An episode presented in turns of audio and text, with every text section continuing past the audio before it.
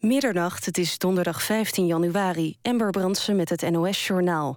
Premier Rutte heeft tijdens het Kamerdebat over de aanslagen in Parijs beloofd dat de voorbereiding en behandeling van antiterreurwetgeving wordt versneld. Het gaat om maatregelen die al voor de aanslagen door het kabinet waren aangekondigd.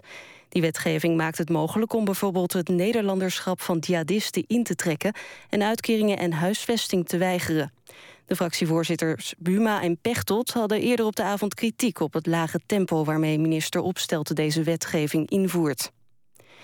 In de Amsterdamse wijk Geuzenveld is een schietpartij geweest. Volgens de Amsterdamse politie zijn er veel schoten gelost. Er is één slachtoffer, maar het is onduidelijk of deze persoon gewond of dood is. Ook is er een aantal ruiten gesneuveld. Buurtbewoners schrijven op Twitter dat er een automatisch wapen is gebruikt. Volgens de lokale zender AT5 spreken verschillende bronnen van een Kalashnikov. Het is onduidelijk of het gaat om een liquidatie. Er is opnieuw een lid van de beroemde advocatenfamilie Moscovic geschrapt van het tableau. Het gaat om de 61-jarige David Moscovic. Dat heeft de advocaat die namens voormalige cliënten van Moscovic een klacht tegen hem had ingediend bevestigd. Nabestaanden van iemand die door een misdrijf om het leven was gekomen... lieten zich bijstaan door David Moscovic. Later bleek dat hij ook de advocaat was van een van de verdachten in deze zaak. Moscovic kan nog tegen de uitspraak van de Raad van Discipline in beroep gaan. In de Amerikaanse staat Ohio heeft de FBI een man opgepakt... die plannen zou hebben gehad om een bomaanslag te plegen... op het Capitool in Washington. Dat meldt ABC News op basis van regeringsdocumenten. Hij zou congresleden hebben willen ombrengen. Het weer. Vannacht en morgenochtend gaat het flink regenen en waaien. Langs de noordwestkust is er kans op een zuiderstorm. Morgenmiddag neemt de wind iets af. Het wordt 9 graden. Vanaf vrijdag wordt het rustiger en kouder met meer ruimte voor de zon. Dit was het NOS Journaal. NPO Radio 1. VPRO. Nooit meer slapen.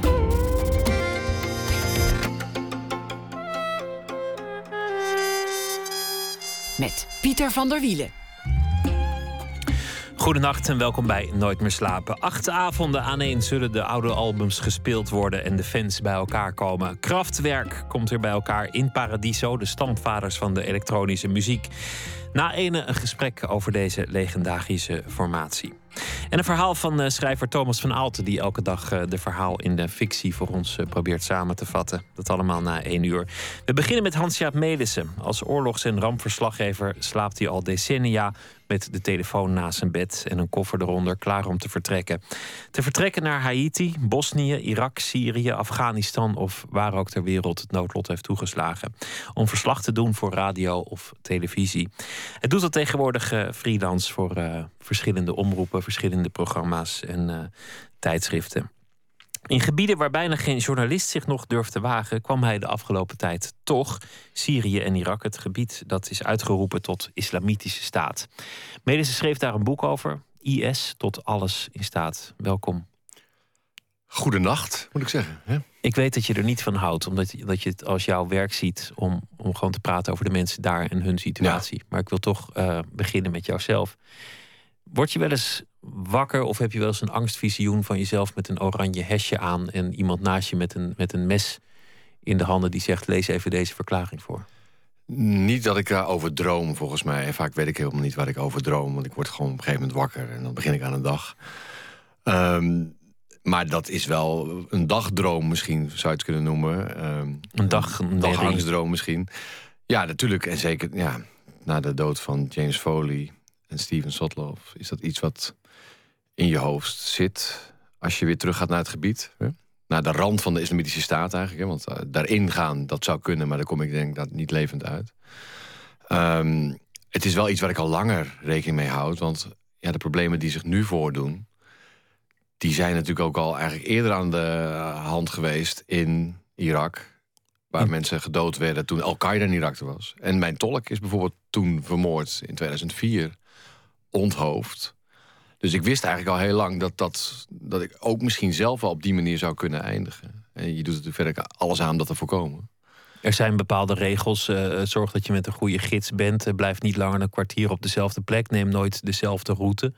Maar zelfs dan, ja, je kan gewoon pech hebben en, en in, een, in een val lopen. Ja, nee, er zit, je, je verhoogt enorm de, de kans op pech door naar die gebieden te gaan. En Maar het moet wel zo zijn dat je zelf het gevoel hebt dat je denkt, nou ja, ik heb, er is een kans op pech, maar de grootste kans is dat ik het overleef. Als, als die verhouding andersom zou zijn, dan moet je er niet in gaan, denk ik. Dan, dan, dan is het gekke werk, dan is het, nou ja. En, en ik denk niet dat ik, wat ik doe gekke werk is. Misschien wordt het wel eens door sommige mensen zo afgeschilderd. Ik kijk zelf altijd verder. Ik zie ook altijd weer journalisten die verder gaan. Er zijn eh, internationale journalisten die, die langer blijven, uh, toch meer durven dan ik. Uh, of toch, er zijn er veel die meer durven. Sommigen hebben ook een beter uiterlijk om in bepaalde gebieden te opereren. Die vallen minder op, want jij bent vrij lang. En, en, uh... Ziet er wel heel westers uit. Ja. ja. En elke poging die ik eens gedaan heb om, om me lokaal te verkleden... dat was dan toch een bijna een soort carnaval... waar ik, waar ik ook vrij gauw tussen uitgepikt werd. En van, ja, waarom doe je dit carnavaleske deze verkleedpartij, want we zien je toch wel. Je bent te lang, je steekt overal bovenuit. 1,93. Je doet dit werk al heel erg lang. Je bent in veel gebieden geweest waar het, waar het ook gevaarlijk was. Um, je hebt een zoontje van zeven. Nee, vier. Vier. Dus tenzij je nog iets weet wat ik niet nee, weet. Maar, oh, vier, dat, dat, sorry. Dan komt hij nu de studio in. Nee. nee. Maar, maar ja, dat, ik, ik, denk dat dat veel, ik denk dat dat veel verandert. In de manier waarop je erover denkt. Ja, dat, dat, dat denk jij. Dat denk ik, ja. Maar ik neem hem niet mee hè, naar, de, naar Syrië of Irak. Nee, maar goed. Je, je... En, en, en uh, het verandert je leven natuurlijk wel. Uh, aan de andere kant. Wat, en nee, ik zou het vreselijk vinden om, om, om dood te gaan, op welke manier dan ook. Of nou een oranje overal is of hier op de terugweg uh, op de snelweg. Ik zou hem heel graag groot zien worden. En hij wordt heel zo snel groot, weet je wel. Dat, uh, voor je het weet is hij zeven. Maar het, het, zou ook een beetje impliceren dat, dat ik, voordat ik een, een, zoontje had, dat, dat mijn leven daarvoor minder betekenis had of zo. Dat, nu is het wel extra belangrijk misschien, maar. Nou ja, ik, ik, ik, ben zelf vaak... ook een, ik ben zelf ook een zoon van ouders die nog steeds leven. Het is iets wat je uh, toch vaak hoort, dat mensen er anders tegenaan gaan kijken. Dat ja. ze dingen anders inschatten, dat ze zich verantwoordelijk voelen, uh, dat soort dingen. Ja, maar dat, dat, dat wil ik nou net eigenlijk even, wel even de, de, de vinger op leggen. Uh, het zou bijna suggereren namelijk dat ik daarvoor dan niet verantwoordelijk zou zijn geweest. Met mijn reizen. Maar wat ik doe, dat is vaak precisiewerk. Dat is waar je heel goed over nadenkt. En, en waar je echt gecalculeerde risico's neemt. En dat is het. En dat is een professie, dat is een beroep waarbij je op deze manier werkt. En, en ik, blijkbaar zit ik hier ongehavend. Ja, maar heel veel andere journalisten dachten ook dat ze ergens uh, ongehavend zouden zitten. Waarom doe je dit werk? Omdat dat... ik vind dat het verhaal verteld moet worden uit moeilijke gebieden. Maar je hebt vast ook een persoonlijk motief. Waarom moet jij dat doen? Omdat ik denk dat ik dat heel goed kan doen. Dat ik daar de juiste persoonlijkheid voor heb. Het is mijn interesse. Hè, ik bedoel, uh, ik heb Engels gestudeerd met Amerikanistiek. En ja, ik was altijd wel internationaal georiënteerd. Als het ging om politieke ontwikkelingen. Uh, ik ben in de regionale journalistiek begonnen. Regio Utrecht. En dat vond ik hartstikke leuk trouwens om te doen. Uh, en, en, dan maakte hij heel veel vlieguren. Maar mijn belangstelling lag meer op een ander vlak. En ik, ik was meer een consument ook bijvoorbeeld van oorlogsverslaggeving. Hè. Toen uh, in 1991 de Amerikaanse aanvallen op Bagdad. Daar keek ik dan naar en dan... Vooral zag ik dan Amerikaanse journalisten verslag doen. CNN had ik dan de hele dag aan. En dan dacht ik van ja, volgens mij moet ik daar ook staan. Uiteindelijk. Maar het is, het is waarschijnlijk ook een fascinatie. Uh, uh, misschien ook een, een zekere hang naar, naar spanning of een zekere onrust. Want het is belangrijk werk hoor, dat wil ik niet ter discussie stellen. Want het is, de, de ja, maar je serveert wel even, dat is goed hoor, dat je dat doet. Want dat, zijn, dat, zijn, dat is een beetje het beeld dat veel mensen hebben. Maar, nou ja, ik had hier onlangs Arnold Karskens uh, uh, te gast. En die, die deed er eigenlijk niet moeilijk over. Die zei, ja, het is ook een persoonlijk motief. En wat was zijn persoonlijke motief? Nou, dat hij knettergek werd als hij te lang thuis zat. Maar dan kun je ook andere dingen. Dan kun je ook, ja, uh, ja, bij, ja. gaan bungee jumpen. Of, Tuurlijk. Maar ja, ik, ik, doe dit werk niet omdat ik knettergek word als ik thuis zit. Ehm, dat wil ik niet suggereren. Dat gold voor Karskens. Maar ik denk dat iedereen voor alles wat hij doet, ondanks het, het nut van zijn beroep en zijn idealen, ook gewoon wel een persoonlijk motief. Uh, ja, dat is jouw persoonlijke motief om hier te zitten vanavond? Nou ja, dat ik het, dat ik het leuk vind. Mm -hmm. um, dat, dat ik inhoudelijk interesse heb om, om met jou te praten. Misschien zit er, ja, dat klinkt van nachtradio een beetje overdreven, een klein beetje ijdelheid achter. Dat, dat is ook iets wat de mensen voortstuwt. Hoewel, ijdelheid in nachtradio, dat, is, dat wordt, een beetje, dat wordt een beetje lachwekkend natuurlijk. Ijdelheid is vaak bij radio wat minder... Uh... Ja, precies. Dus, Oké, maar... Ja. Nou ja, maar goed. Nou, maar dat je het leuk vindt en dat je het interesse heeft. Dat en dingen zijn komen... dezelfde motiverende zaken voor mij. En dingen komen op je pad. Dat is natuurlijk ook zo. Iets ontstaat. Ja, ja, ik heb het pad ook wel bewust gekozen. En, en um, ik ben geen spanningszoeker of zo. Dat ik denk van ik moet dit doen omdat ik dan spannende dingen meemaak. Het is wel zo dat de spanning je, je alert kan houden. En dat is maar goed ook, denk ik dan. Of, of ik maak vaak hele lange dagen. En, en, dan de adrenaline houdt je wakker. En, en, en, je kunt daardoor scherp blijven. Je, dat moet je ook zijn. En en dan kom je thuis en dan is, is het na twee dagen... want die, die, adrenaline blijft nog even een beetje in je lichaam hangen. En daarna is dan een soort zware klap op je hoofd. En dan ben je, lig je een beetje apathisch op bed te zeppen, uh, naar wat dan ook. En, en, maar ik ben vooral gemotiveerd dat ik uh, verhalen wil maken. En het reizen is wel een mooi bestaan. Ik vind het mooi om, om laten we zeggen... In de, in de frontlinie van de geschiedschrijving te staan. Dat je, dat je daar dicht op zit. En en wat ik, maar wat ik echt ook wat belangrijk vind, en, en dat is ook wat ik ook hopelijk in mijn boek heb gedaan, dat je. Uh, kijk, nu ook, hè, de aanslag in Parijs. Dat, dan, dan wordt al meteen is eigenlijk de reactie vooral van: uh, wat betekent het voor Nederland? En, en hoe moeten we erop reageren? Hoe, hoe zwaar moet de mitrailleur zijn van de Nederlandse politieagent? Want dan kan hij terugschieten. Um, nou, die agent die in Frankrijk op de grond lag, want die werd vanavond bij het debat ja, naar voren gehaald. Van ja, had hij maar een zware wapen gehad. Ik zag hem niet meer op dat moment zijn pistool trekken of zo. Er was al blijkbaar iets misgegaan. Hè. Ze worden ook overvallen. En, en ik denk dat hij met een. Uh, ook als hij er met Kalashnikov had gedaan, had, dan was het niet gebeurd. De agent binnen is met de pistool in zijn maar hand. Dat is allemaal van die, van die reacties. Ehm, en, en terwijl ik denk dat, dat ehm, oorzaken van dit soort zaken. die zijn. Nou, misschien dat je deels ook hier kunt kijken. Maar ik denk dat er ook heel veel oorzaken natuurlijk juist nu, als we over Syriëgangers praten, ja, waar gaan die heen? Naar Syrië dus, hè? dat zit in het woord. Uh, dus, en waarom gaan ze er naartoe? Niet om vakantie te houden. Daar is oorlog. Misschien moet je wat aan die oorzaken doen, aan de voedingsbodems voor terrorisme. Terrorisme gedijt heel goed in chaos. Nou, het is nu chaos in Irak en Syrië.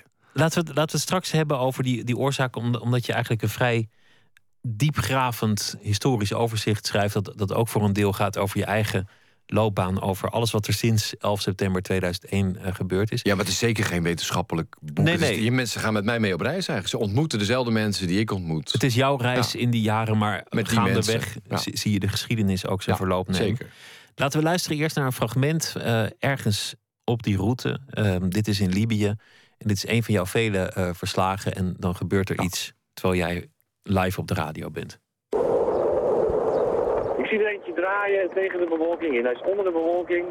Hij draait over de stad. Maar ik kan echt niet zien of het een, uh, of het een Libische piloot is. Hij stijgt nu bijna recht omhoog naar de hemel. Uh, toestel komt, en, komt nu recht over. Mensen op straat kijken ook naar de lucht. De straaljager stort neer lijkt het wel. Ik weet het niet zeker.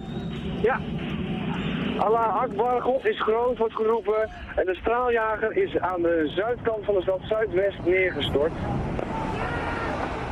Allah Akbar, mensen staan te dansen op straat. Uh, een man doet zijn beide armen in de lucht. Auto's stutteren. Nou, je hoort nu schieten op de achtergrond, maar dat is uh, gewoon in de lucht. En dat is allemaal op het terrein van het Al-Jalla ziekenhuis in Benghazi, waar ik nu bij het mortuarium sta. En zojuist is de piloot binnengebracht, uh, dood dus, van het toestel dat ik zelf vanochtend neergeschoten heb zien worden. En, uh, maar het is wel een oppositietoestel, zeggen deze mensen hier. Terwijl toen het neergeschoten werd en nog mensen waren die uh, applaudisseerden en dachten dat het een toestel van Gaddafi was. En nu is er hier een beetje paniek, want er wordt nu inderdaad geschoten, maar misschien is het meer, het is meer dan in de lucht. Mensen zoeken de dekking. En er blijven maar schoten komen. Iedereen rent in paniek heen en weer. Er zijn er zeker 30 doden hier binnengebracht in het mortuarium. Er wordt dus blijkbaar geschoten om het ziekenhuis heen.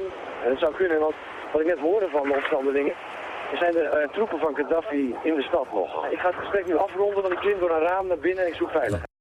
Ja. ja, ik rond nu af van ik zoek veiligheid. Dat, dat heb ik je meerdere keren horen zeggen. Een keer ook uh, op het NOS-journaal met, met Herman van der Zand.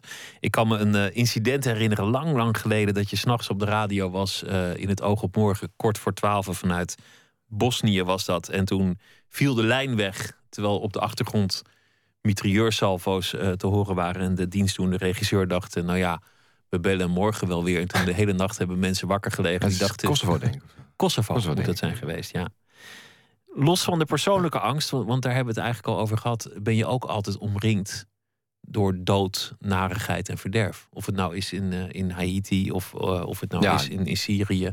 Ja. Het, het is, je hebt ook niet voor een leuk bestaan gekozen. Nee, nee daar moet je wel tegen kunnen.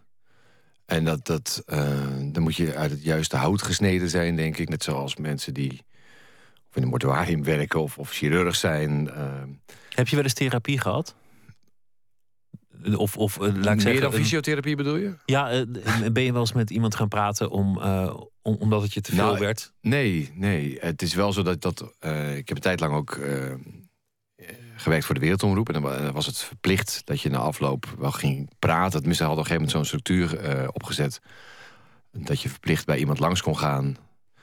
Zo'n psycholoog was volgens mij niet officieel. maar, ehm, en dat, dat heb ik één keer gedaan, want het was verplicht.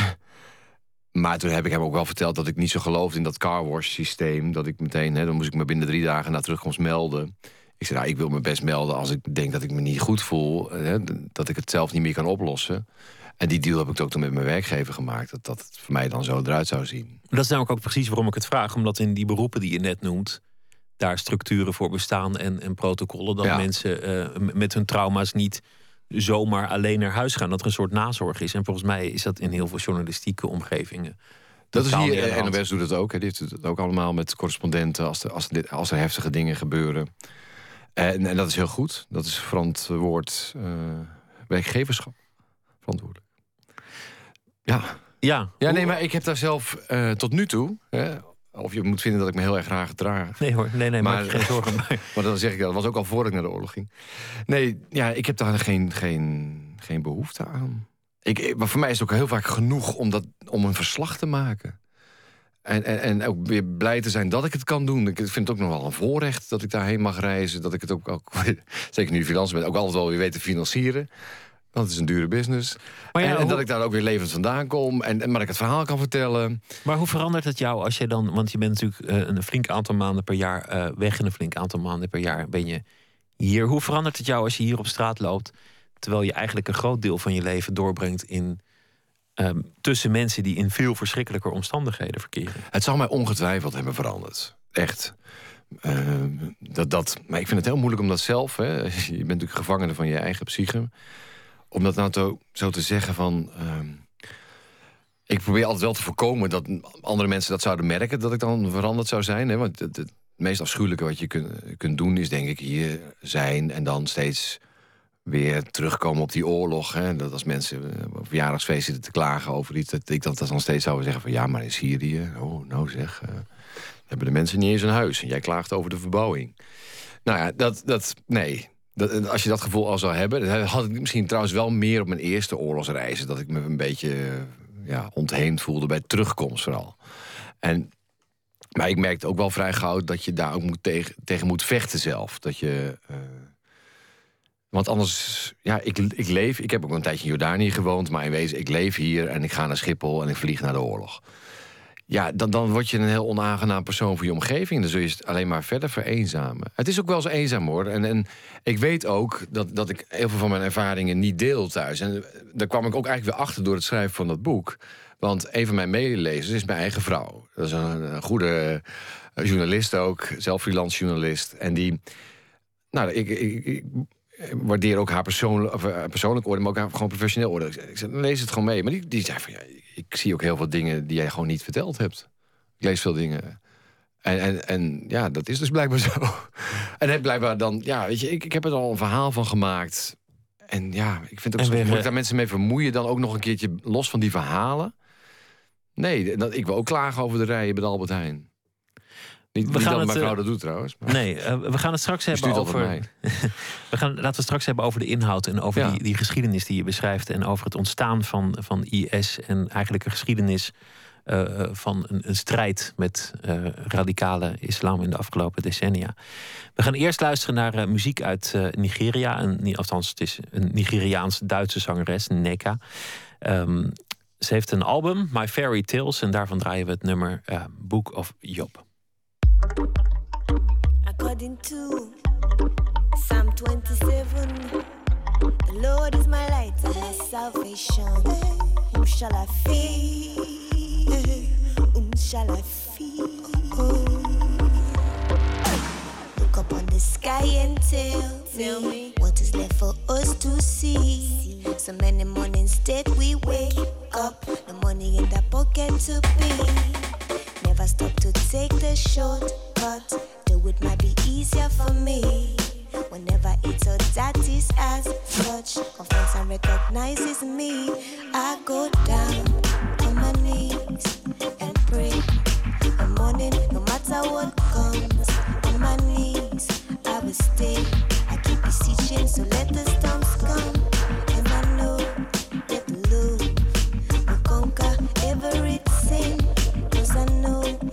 you got me, and I got you.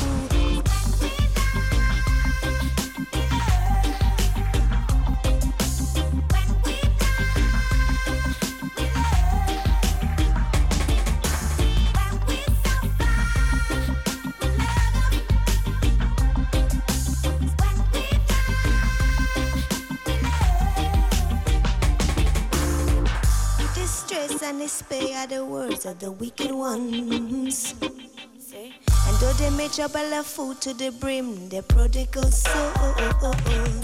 Suffering as silent is what we know. True revolution is peace. Whatever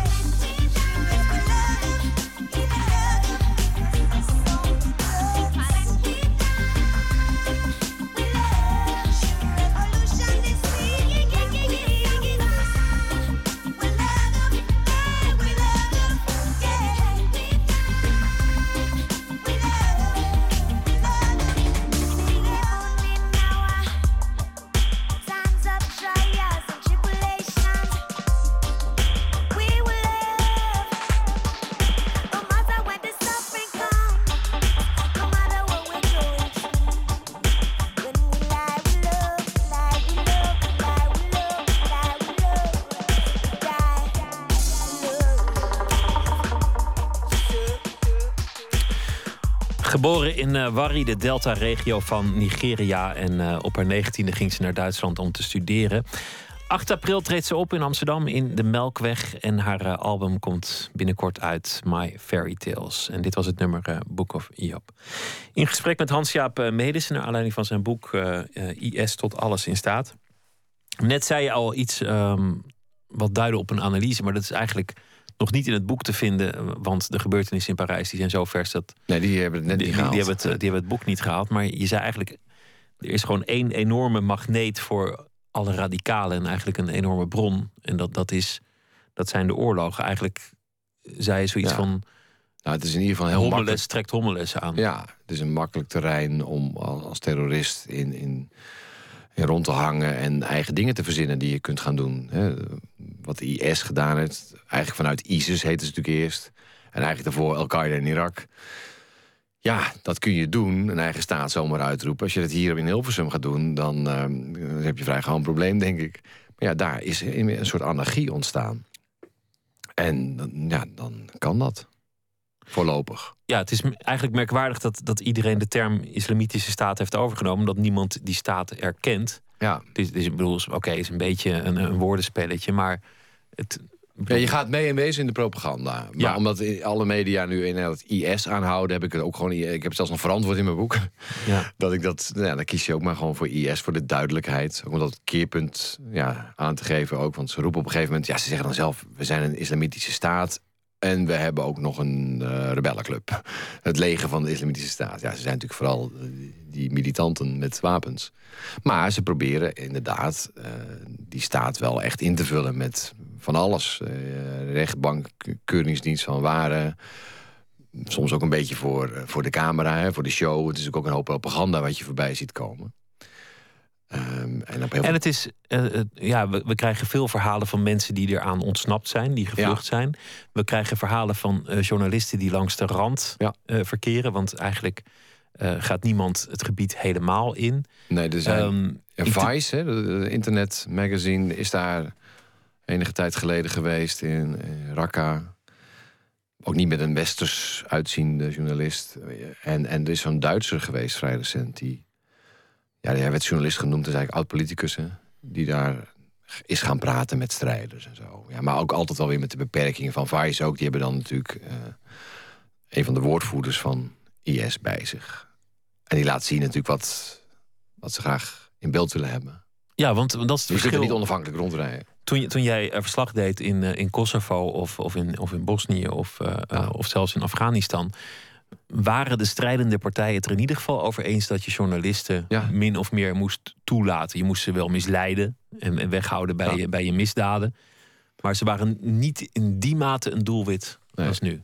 Nee, maar dat, dat is wel langzamerhand opgekomen. Toen na 9-11 de Amerikanen eerst Afghanistan eh, binnenvielen, eh, op zoek gingen naar Al-Qaeda. Toen reed ik zelf ook met een, vanuit Pakistan in een konvooi van journalisten binnen. En daar werd uiteindelijk, het konvooi splitste zich op. Ik hoorde bij degene die sneller doorreden. Maar een dag later ging de andere helft van het konvooi verder. En toen werden de eerste twee auto's aangehouden door, ja, wat ze waren Taliban-figuren die net uit de macht gezet waren. En die hebben de eerste vier journalisten geëxecuteerd. waren mensen bij die ik kende, uit Kosovo onder andere. En in de auto daarachter, die nog weer net op tijd kon keren, zat Wouter Keurbezoek, Nederlands journalist. En we wisten dus ook al dat, dat het klimaat aan het veranderen was. En net zoals ik al zei, in 2004 eh, werd mijn tolk eh, onthoofd door een soort voorloper van IS. En, en dus wij, ik was me wel heel lang bewust van het feit dat ik bepaalde kringen, eh, dat ik daar voorzichtig mee om moest gaan. Nou is het, ehm, eh, in, in 1998 deed Osama Bin Laden al eh, aanslagen op Amerikaanse doelen Ja, in, in Afrika. In 2000 wa- was er de, de, de intifada eh, in het Midden-Oosten. Ja. Eh, 2001, 11 september. Ja. 2001 de oorlog in Afghanistan. 2003 de oorlog in Irak. Vervolgens eh, 2011 de, de, de opstanden. Wat Ja, de Arabische lente heette. Eh, en uiteindelijk de achterblijvende chaos. Eerst in Libië en, en daarna in Syrië. Is er één rechte lijn? Is dit eigenlijk één verschijnsel met verschillende uitingsvormen? Of is er in de tussentijd van alles veranderd? nou, dit is wel een, ja, een beetje slingerende lijn, maar je komt er uiteindelijk uit ook weer hier. Ja. Of het is misschien wel een cirkel. Het is ook een beetje een déjà vu nu. De Amerikanen gingen in eind 2011 eh, Irak uit. Ze wilden eigenlijk blijven, maar mocht niet van de Irakezen. Maar ze hebben ook niet heel erg aangedrongen. En dachten toen dat het afgelopen was. En nu komen ze weer terug. Ja, nog niet echt met gevechtstroepen op de grond. Maar het worden al 3000 troepen die dan ook op verschillende bases in, in het land zitten. En als zo'n basis wordt aangevallen, gaan die Amerikanen niet alleen maar wijzen. eh, je moet die kant op schieten. advies aan de Iraakse troepen. Dan zullen ze dat zelf eh, oplossen. Dus, dus in wezen ben je weer een beetje terug bij je af. Nou, is, is één ding vrij makkelijk verklaarbaar. Als, als een burgeroorlog een land verlamt zoals Syrië. Ja. Assad wint niet, de opstandelingen winnen niet. En, en die houden elkaar in de greep en ontstaat eigenlijk anarchie. Ja. Ja, dan, dan is dat gewoon alsof je je fiets niet op slot zet. kan een ander ermee vandoor gaan.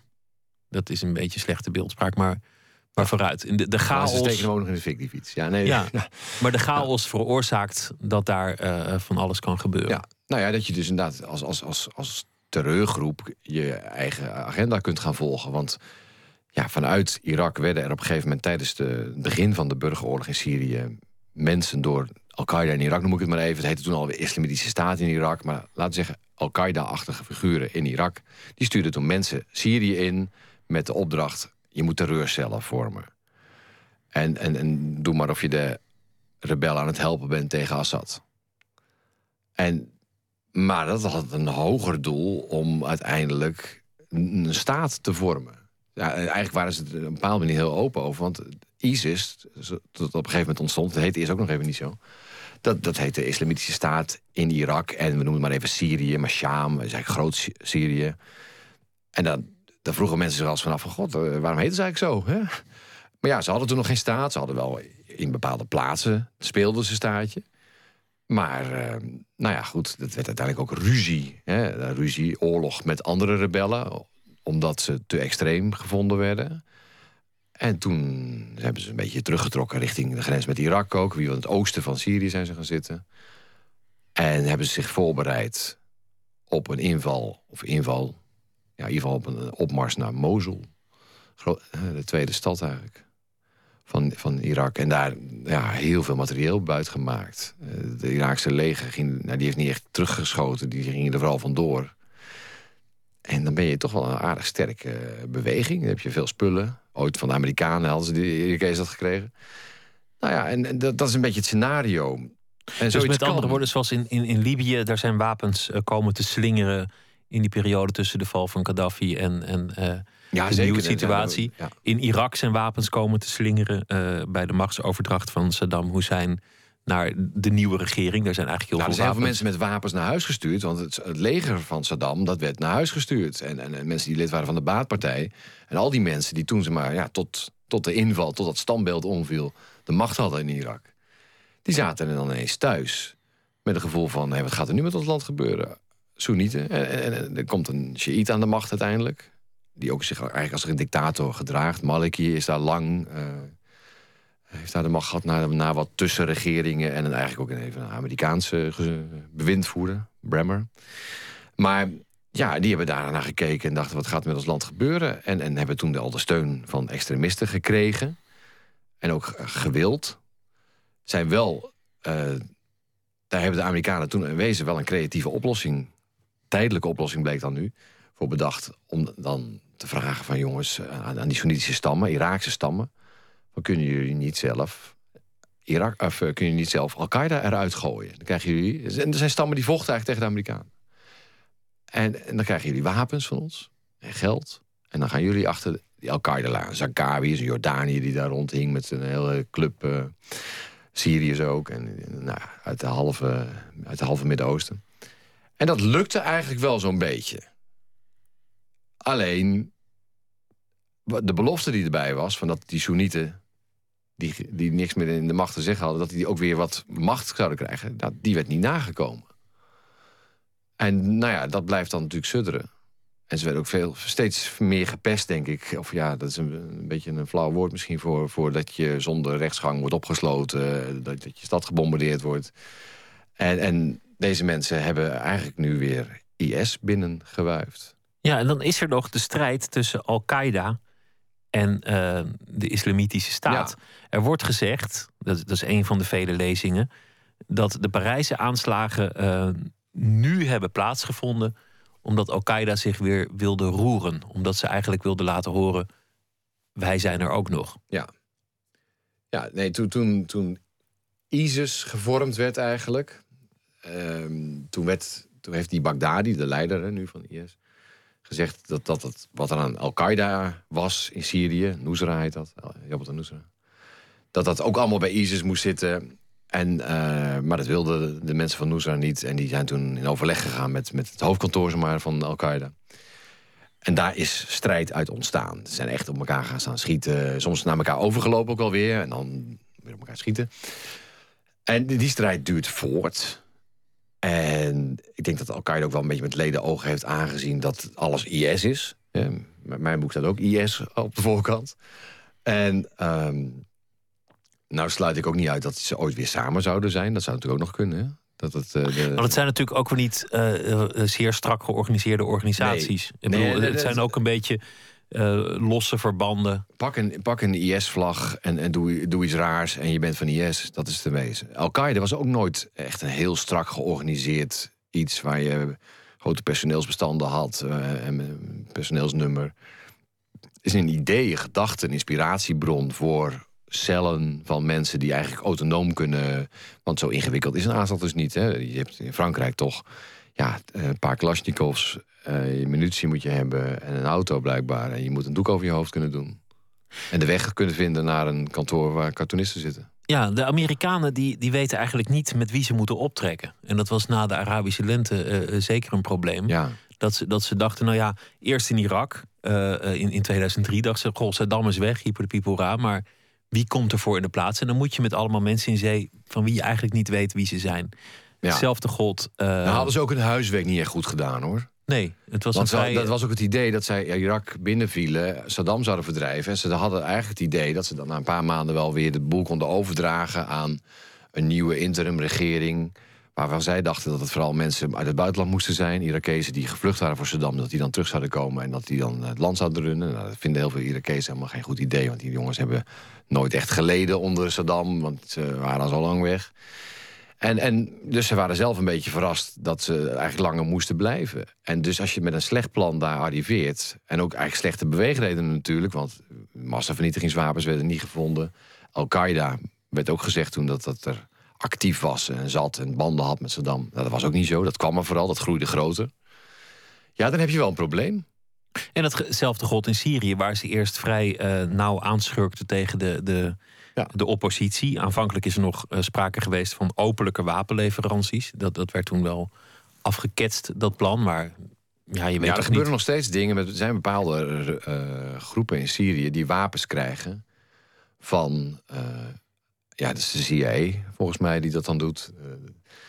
en, en dat is ook wel een beetje een soort rare, rare spagaat... Waar, waar mensen nu ook in zitten eigenlijk. Hè? Want in die hele discussie ook over, over Syriëgangers...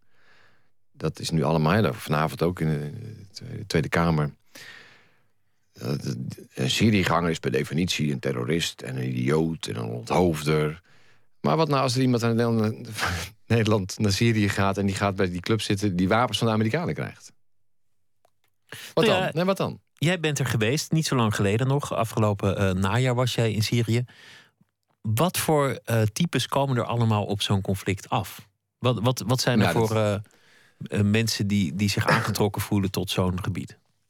Ja, het- uiteindelijk is het een heel divers beeld, denk ik. Als je het over de buitenlandse strijders. Hè? Ja, wat komt er allemaal aan, En- aan gelukzoekers, eh, avonturiers, strijders, eh, idealisten, eh, radicalen? Nee, want zelfs het toe? beeld van de, van de groep journalisten die arriveert is, is, is bont. Eh, ik heb ooit een stuk geschreven over gekken in Syrië, heette dat geloof ik. Voor Vrij Nederland. En ehm, ik moet even goed nadenken. Ja, daar had ik ook heel veel ja, quasi-journalisten die opkwamen duiken. Dat had je ook eigenlijk al in Libië. Want ja, je kunt ook altijd gewoon voor je eigen Twitter-account eh, gaan. En ik ben journalist en dan kijk je wel of je, of je een outlet vindt.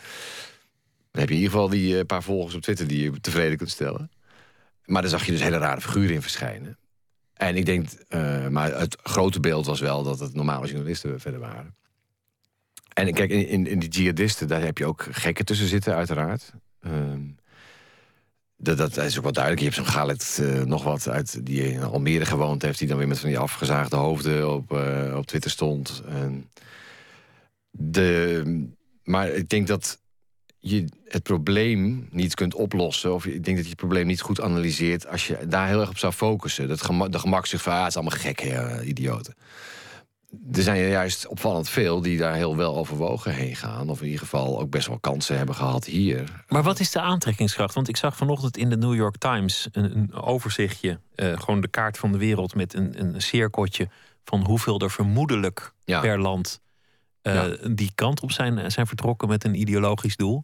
Wat is de aantrekkingskracht voor iemand die geboren en getogen is in Den Haag, onderwijs heeft genoten, om daar naartoe te gaan? Ja, nou, het is dan toch, ehm, een soort gevoel, gevoel van eh, dat ze hier toch niet thuis horen helemaal. Ook als het ze goed gaat, dan wordt vaak tegen hen gezegd van ja, maar jij bent de goeie, maar de rest van de Marokkanen in Nederland deugt niet.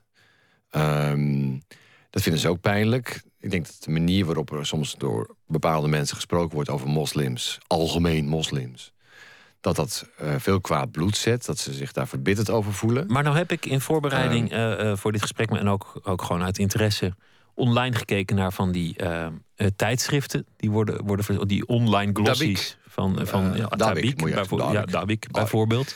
Er, er zijn er andere. Het, het is mooi vormgegeven, maar dan waar de, waar de Cosmopolitan of de L gaat over schoonheid, gaat dit Over de gruwelen. Over Ja. dood en over Ja. geweld. En het ene lijk is een martelaar, dat moet je heel erg vinden.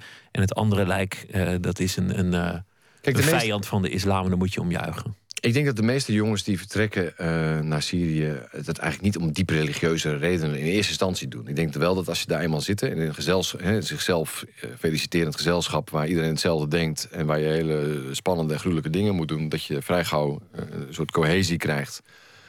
Eh, aangestuurd ook door bepaalde mensen die willen dat ze daar blijven... die dat heel erg op de religie gooien... dan ga je dat ook geloven. Maar wanneer verlies je je empathie? Want ik, ik snap dat je je onderdrukt voelt of dat je niet thuis Nou, de, voelt. de, de empathie, ja. Als je echt zo in je hersenen krijgt dat eh, hè, nou, opgelegd, gehersenspoeld of wat dan ook, je gaat het echt geloven. Ja, hoe komen mensen aan hun gedachten? Dat dat de vijand niet deugt, dat hij geen echte moslim is, ehm, dan blijkbaar ontstaat dat dan. Ja. En dat is een ontmenselijking van, van, van de vijand. Dat is een, trouwens een principe dat in elke oorlog zich voordoet. Want anders kun je geen oorlog voeren. Je kunt, dan zou je namelijk daar zelf Nee, en, als, maar als strijder eh, psychisch onderdoor gaan, denk ik ik. snap dat dat aan een front gebeurt. Maar ik snap niet dat dat in het 19e arrondissement van Parijs gebeurt. Nou, met het 19e arrondissement van Parijs... er was zo een paar jaar geleden ook een soort front. Hè. Er waren veel rellen in de, in de, in de banlieues. Ja, dat is Eh, veel verder. Maar het 19e is nog Ja. wel net de buurt. Is dat nog Gaat- net de ja, buurt? dat gaat Ja. nog wel.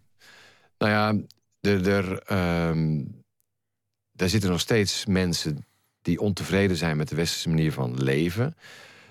Op zoek naar identiteit zijn toch vaak jonge jongens, twintigers vaak. Deze heren in Parijs hadden ook hun ouders niet meer bijvoorbeeld. Eh, waren toch, eh, de een was rapper geweest geloof ik, had hij daar een tijdje zijn Heeft, agressie heeft de islam er iets mee te maken? Want Natuurlijk dat heeft de islam er wat mee te maken. Ja, natuurlijk. Het zou raar zijn om te denken dat de islam er niks mee te maken heeft. Alleen, dan moet je dat juist formuleren.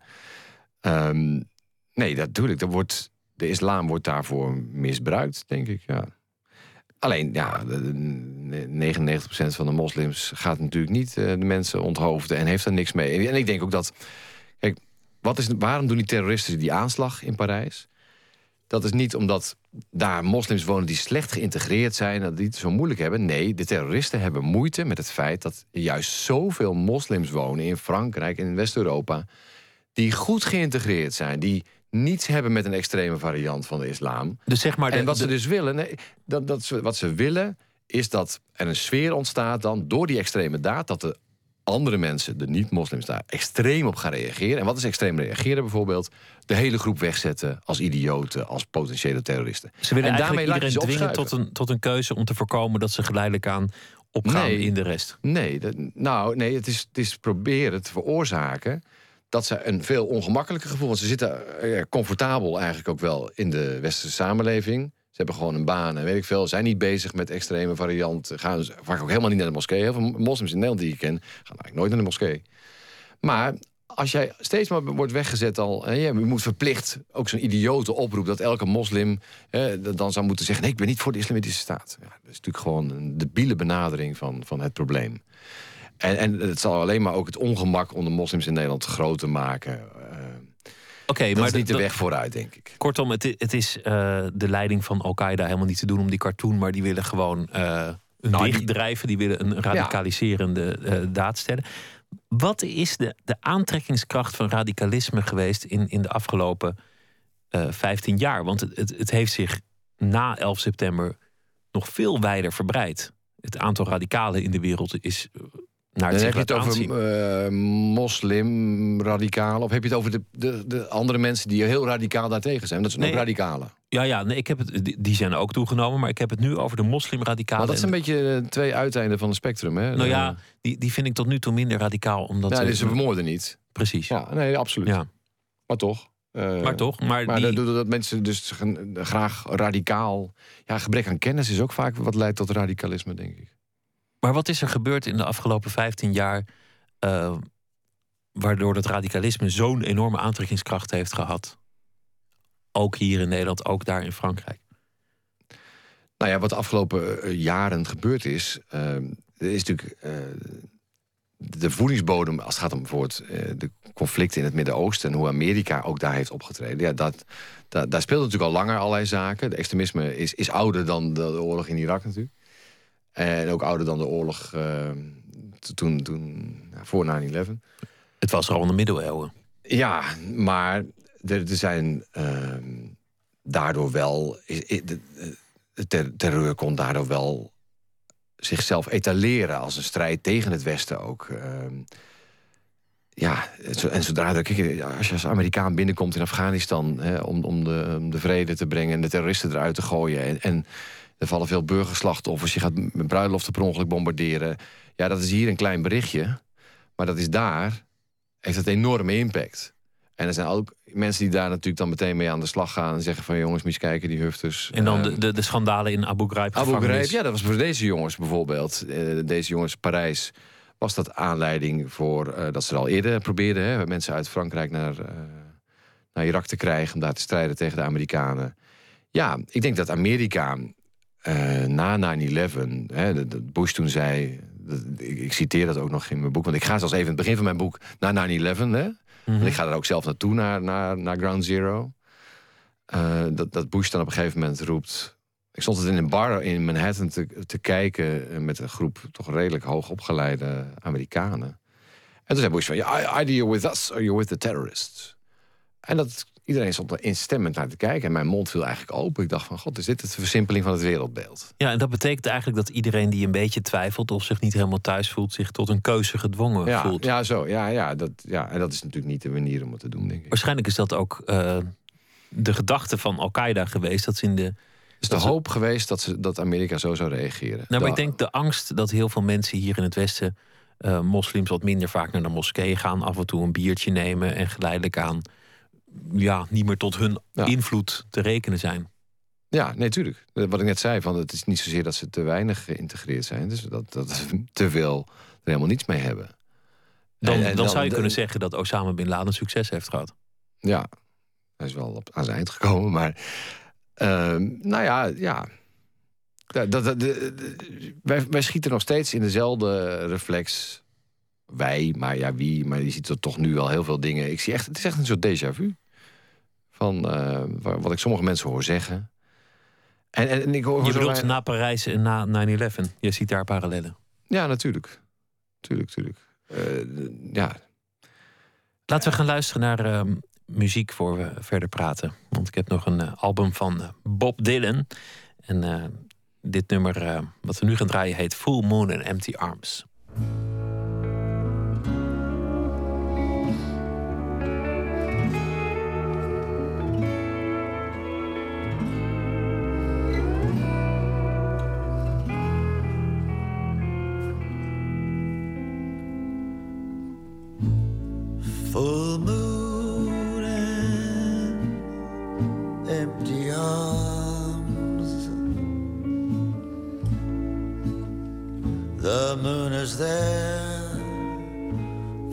To share, but where are you?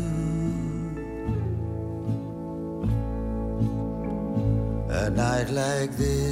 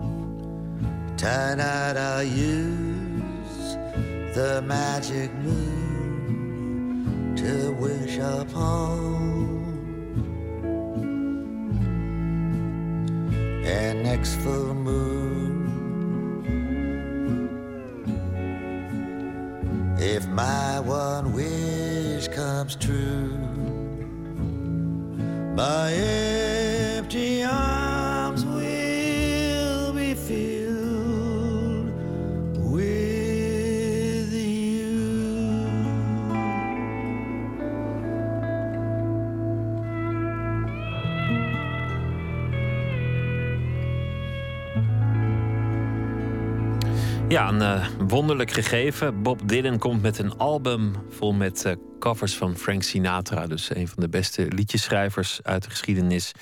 Maar niet per definitie de beste zanger. Die gaat een album eh, doen van een van de beste zangers. Maar niet per definitie de beste liedjeschrijvers. Nou, de cirkel is weer rond. Hansjaap Melissen, ehm, er is heel veel gezegd over, over de achtergronden van, van de terreur en van IS. En, en terecht. En het is ook goed om over na te denken. Ik denk niet dat we er helemaal uitkomen of hoeven te komen. Ik wil even met je terug naar, naar je eigenlijke métier, namelijk het verslag doen. Ja, ik ben geen theoloog, wil ik zeggen. Precies. Zei ik net nog even toen het plaats speelde van... eh, Een, een goede opmerking ook. En, en eh, ik, ik denk dat er ook, nou ja, weinig theologen zijn die hier nog, nog iets mee aankomen. Maar daar gaan we het even, even niet over hebben. Ehm, jij bent verslaggever. Je hebt ook een boek geschreven over Haiti. Waar je Ja. eh, verslag hebt gedaan van de ramp. de- deze week vijf jaar geleden. Een van de dingen die me opviel in dat boek... is dat je eigenlijk je ergernis uitspreekt over het beeld. Het, het hele konvooi van verslaggevers komt na een ramp maakt eh, shotjes, eh, eh, zorgt voor spectaculaire beelden, roept getallen van hoeveel doden er zijn gevallen, zegt even in een korte analyse wat er aan de hand is en ze maken weer dat ze wegkomen. En eigenlijk zeg je tussen de regels in dat boek dat je er geen ene donder meer van gelooft, van die verslaggeving. Nou, in daar toen, ja, nee, dat ging ook specifiek om dat dodental in Haiti. Wat natuurlijk weer helemaal verkeerd voorbij kwam de afgelopen week. Bij de vijfjaarset, denk ik. Ja, nou kijk, Want Ik- eh, ja, ik was al een tijdje toen Dat klaar met- moeilijk, hè? Hoeveel Ja. doden zijn er gevallen? Ja, wie heeft het geteld? ik. Ja, Ja, ik, ja. maar dat, dat is ongelooflijk ingewikkeld om een Nee, dat dodental viel heel erg mee. Jij, kwam, jij kwam op 100.000, geloof Nee, ik? ik zei maximaal 100.000. Maximaal 100.000. Met een eh, correctie naar beneden. eh, want ik ben daarna ook nog eh, terug geweest. Het zal zo rond de 50.000, 60.000 liggen. Het is helemaal niet zo ingewikkeld. En dat schets ik ook in dat boek. Het is eh, veel onnozeler om te, eh, de, de, cijfers over te nemen van een corrupte... en Een overheid als corrupt te beschrijven. Het is altijd zo'n clichébeschrijving van eh, de armste land op het westelijk halfrond... met een van de meest corrupte regeringen. En als zo'n regering dan komt met een getal... en dan de ge- regering niet te bevragen... hoe komen jullie aan dit getal? En dat erover te schrijven en dan mij aan te vallen van hoe heb je dat dan gedaan? Nou, ik heb het in dat boek prima uitgelegd dat ik bovengrens heb aangegeven van... Ik heb ze dus niet exact eh, op, de, op de man of vrouw nauwkeurig, maar wel de bovengrens aangegeven. En dat is helemaal niet ingewikkeld. Als je alle Maar goed. begraafplaatsen langs gaat en de massagraven en je weet het volume daarvan, is dat absoluut niet ingewikkeld. Waar het op neerkomt is dat iedereen een belang heeft. Dus de hulporganisaties die moeten... Die moeten eh, het is een beetje cynisch, maar... Nou, die wilden op- de ramp verkopen. Die, en Haiti Ja. zelf ook. Die wilden zo hoog mogelijk dodental om zo veel mogelijk geld bij elkaar te halen. En de regering heeft weer belangen en die willen iets bagatelliseren. Kijk, en, en ik, vind het, ik snapte trouwens heel goed dat heel veel verslaggevers toen ter plekke dat niet doorhadden. Ik kende Haiti langer, kwam daar al voor werk, kwam er ook privé. En ik had op een gegeven moment, kreeg ik ook, ik had ook wel goede contacten. Kijk, ik kon daardoor zelf wel dit verhaal maken. Ehm, alleen ja, ik, ik was al een tijdje toen klaar eigenlijk met de rampenverslaggeving. Omdat ik vond dat dat soort schabloon uh, leiden. Van, van, je komt binnen, je kunt eigenlijk altijd per definitie roepen... zodra je binnen bent, hé, hey, de hulpverlening is nog niet op gang gekomen. Of te langzaam, want ja, dat is een beetje het idee van de ramp natuurlijk... dat het nog niet meteen in orde is. Maar, uh, en dan, dan wordt op een gegeven moment de, la, de, laatste overlevende gevonden. Meestal gevolgd door de dag daarna weer een keer de laatste... want dat blijft dan vaak lang doorgaan. En dan gaan we tien dagen weg en dan doe je de éénjaarsverjaardag. En bij Haiti was het dus ook nog de vijfjaarsverjaardag, maandag was dat omdat ik van Haiti hou en daar vaak kom, uh, wilde ik wel die aardbeving wel doen. Maar ik heb daar sindsdien heb ik volgens mij geen aardbeving meer gedaan. Maar als we het dan nu hebben over, over Syrië en Irak en het uh, gebied... Dat is meer dan een ramp. Er zit veel meer context aan. Een nou ramp overkomt je. Syrië is uh, op een zeker punt een moeilijk te verkopen ramp geweest... als het over het publiek gaat, omdat het verhaal steeds maar hetzelfde was. En er is ook een moment geweest dat het uit de nieuwsrubrieken verdween... dat het uit de kranten verdween. Ja. En dat eigenlijk iedereen al gewend was aan, nou, ja. aan chaos in Syrië. Ja, en, en, wat ik zo jammer zou vinden als mensen nu met dit hele verhaal ook weer van Parijs denken dat ze dat verhaal er ook maar gewoon uit moeten houden en dat ze het alleen maar over onszelf moeten hebben. Alleen maar reageren op van oh ja, eh, die Syriëgangers. Nou ja, het heeft, het heeft met elkaar te maken natuurlijk. Ik bedoel, de chaos van Syrië en Irak is gewoon weer een, een voedingsbodem en ook een, een leuk oefenterrein voor uh, mensen die kwaad willen elders.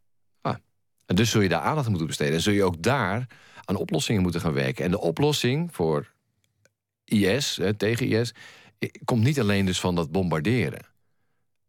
Hè, wat, wat nu gebeurt, onder andere de Nederlandse vliegtuigen. Nederland is alleen een stukje uh, Irak, hè, Syrië niet. Um, Operation Inherent Resolve. Hè, ingebouwde vastberadenheid. Nou, dat, dat, heeft het Westen natuurlijk laten zien, eigenlijk het Midden-Oosten, dat, dat ze steeds nee, alweer de boel verlaten. En wat nog meer dan? Nou ja, en, en dan, dan, dan zul je dus moeten gaan kijken naar, kun jij daar weer normale maatschappij van maken? Dus dan zal de oorlog in Syrië op de een of andere manier moeten worden beëindigd. En er zal weer een normaal Irak moeten komen, of, of, weer een normaal, maar je zou een normaal Irak moeten bouwen waar de Soenieten wat te zeggen hebben ook. Die, die zich vertegenwoordigd voelen in hun eigen land. Ja, niet meer de hulp in gaan roepen van, van hele extreme onthoofders. Dat klinkt als een, uh, nou ja, als een niet eenvoudige oplossing. Dat, dat zal lang ja, duren. En dat is vaak vervelend. Hè? Want mensen denken altijd dat als er iets heel heftigs gebeurt... dat je dan hele stoere dingen moet gaan roepen. Maar dat is een eenvoudige oplossing. En dat verkoopt vaak politiek ook heel goed. Ja, ik en dat vinden mensen heel leuk. Zeker als je geen, geen kennis van zaken hebt... of van de regio en de dingen dan, dan, dan, en de meeste mensen volgen natuurlijk niet allemaal in detail wat er gebeurt. In, in, ook zelfs misschien niet eens in grote lijnen wat er in Syrië gebeurt. En dan zijn er mensen ja, die denken, oh ja, ah, leuk geroepen. Ja, ik vind het eigenlijk ook allemaal klootzakken.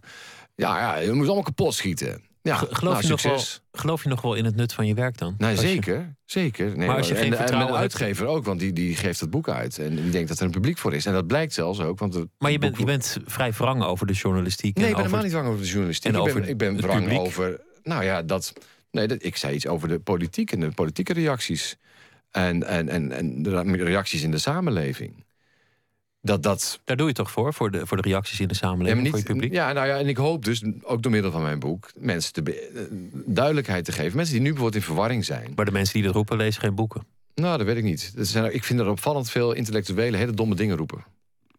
Ik het is niet een intellectueel boek. Het is een boek wat heel toegankelijk is, denk ik. Je, je gaat mee op reis en, en ik schets vrij eenvoudig, juist omdat ik... Het is ingewikkelde materie. Maar ik denk dat ik vrij eh, dikke verfkwast nog gebruikt heb, hoor. Ik zag het debat vandaag en uh, nou ja, er werden ook hier en daar inderdaad wat uh, dingen geroepen. Dat ik dacht, ja, dat roepen ze ook tegen beter weten in mensen, mensen ook een beetje voor de bühne iets. Uh, nou ja, de bühne, er komen ook weer verkiezingen aan, hè? provinciale staten weliswaar, maar dat vertalen we altijd natuurlijk landelijk. Altijd sneu als uh, mensen zich dommer voordoen dan ze daadwerkelijk zijn. Hans-Jaap Medissen, dank je wel dat je. Uh, Graag gedaan. Te gast wilde zijn en, en proberen om, om iets van je ervaringen over te brengen. Er is veel meer te vertellen, maar Absoluut. Het staat allemaal in het, uh, in het boek. Zometeen uh, gaan we verder met uh, Nooit meer slapen via Twitter, het VPRO NMS of via de mail nooit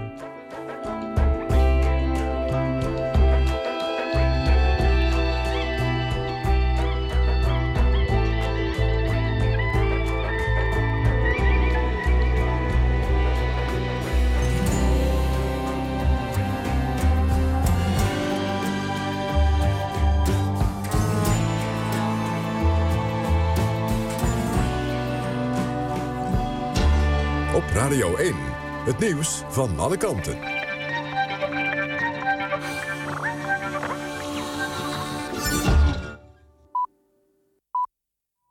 1 uur, Ember Brandsen met het NOS-journaal. Premier Rutte heeft tijdens het Kamerdebat over de aanslagen in Parijs beloofd dat de voorbereiding en behandeling van antiterreurwetgeving wordt versneld. Het gaat om maatregelen die al voor de aanslagen door het kabinet waren aangekondigd. Die wetgeving maakt het mogelijk om bijvoorbeeld het Nederlanderschap van jihadisten in te trekken en uitkeringen en huisvesting te weigeren. De fractievoorzitters Buma en Pechtold hadden eerder op de avond kritiek op het lage tempo waarmee minister Opstelten deze wetgeving invoert. Bij een schietpartij in de Amsterdamse wijk Geuzenveld is afgelopen avond een dode gevallen. Volgens de politie zijn er veel schoten gelost in de Pieter van der Werfstraat. Het slachtoffer stond op het balkon. Een aantal ruiten is gesneuveld en meerdere auto's zijn beschadigd. Buurtbewoners zeggen op Twitter dat er een automatisch wapen is gebruikt. De schutter of schutters zijn er vandoor gegaan. In de wijk Osdorp werd een uitgebrande auto teruggevonden. Mogelijk was dat de vluchtauto. Er is opnieuw een lid van de beroemde advocatenfamilie Moskovits geschrapt van het tableau. Het gaat om de 61-jarige David Moskovits. Dat heeft de advocaat die namens voormalige cliënten van Moskovits een klacht tegen hem had ingediend bevestigd. Nabestaanden van een slachtoffer van een misdrijf lieten zich bijstaan door David Moskovits. Later bleek dat hij ook de advocaat was van een van de verdachten in diezelfde zaak. Moskovits kan nog tegen de uitspraak van de Raad van Discipline in beroep gaan. De gemeenteraad van Breda heeft Paul Depla voorgedragen als nieuwe burgemeester. De PvdA is nu nog burgemeester van Heerlen. De raad is ervan overtuigd dat Depla leiderschap en resultaatgerichtheid zal tonen. Paul Depla kwam de afgelopen jaren vaak in het nieuws... met zijn uitgesproken standpunten over het drugsbeleid. De minister van Binnenlandse Zaken moet Depla nog benoemen. De gemeente verwacht dat hij begin maart wordt geïnstalleerd. Het weer, vannacht regent en waait het flink bij 4 graden. Langs de noordwestkust is er kans op een zuiderstorm. Pas morgenmiddag neemt de wind iets af. Het wordt dan 9 graden. Dit was het NOS Journaal. NPO Radio 1. VPRO. Meer slapen.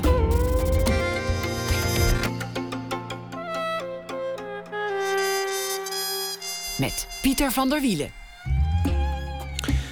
Thomas van Aalten is uh, schrijver en deze week zal hij elke dag een uh, verhaal voor ons schrijven en na één uur s'nachts uh, voordragen over iets dat zich de afgelopen dag heeft voorgedaan.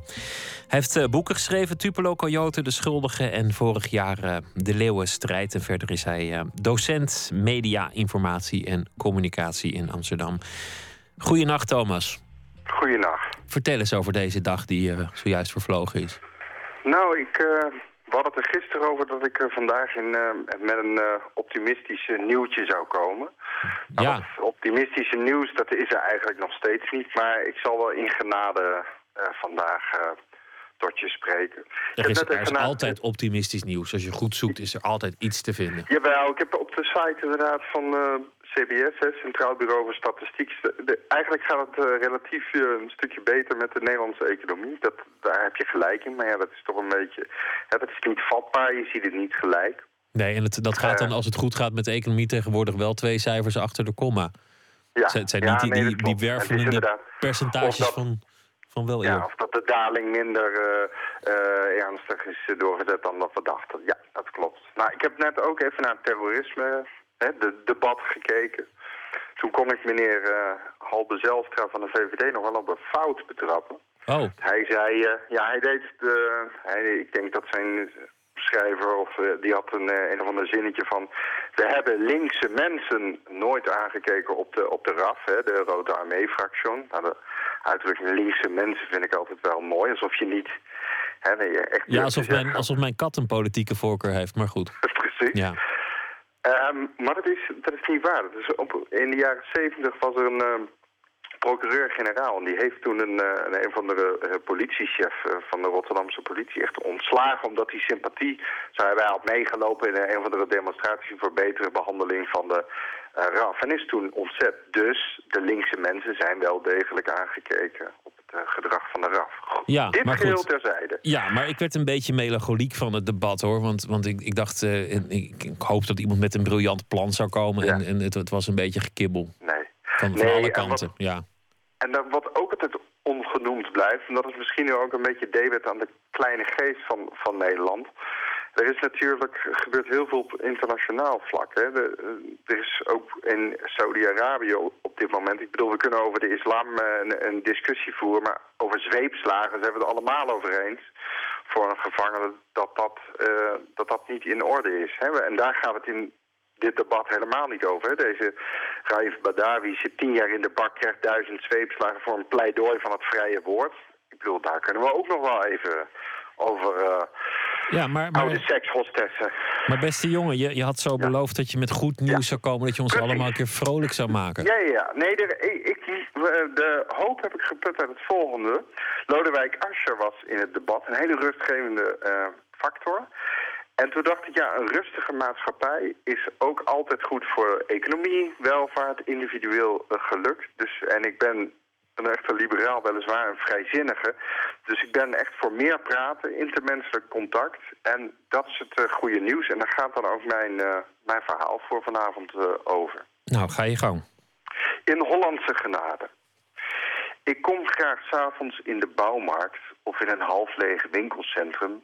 waar een exclusief televisiescherm ter grootte van een voordeur... de meest krankzinnige beelden met enorme robots en schietende maloten vertoont films die ik niet ken en niet wil kennen. Een man met zijn zoon staat in de grote elektronicazaak naar zo'n scherm te turen. Je hoort hem denken, zal ik het doen of zal ik het niet doen, die paar duizend euro op afbetaling. Een winkel verderop verkopen ze diervoeding per zak met een omvang die je normaal met fors bouwmateriaal associeert. De indringende geur van het visvoer tot de hondenbrokken. Hoe zou een polo-shirt van de medewerker aan het eind van de dag ruiken?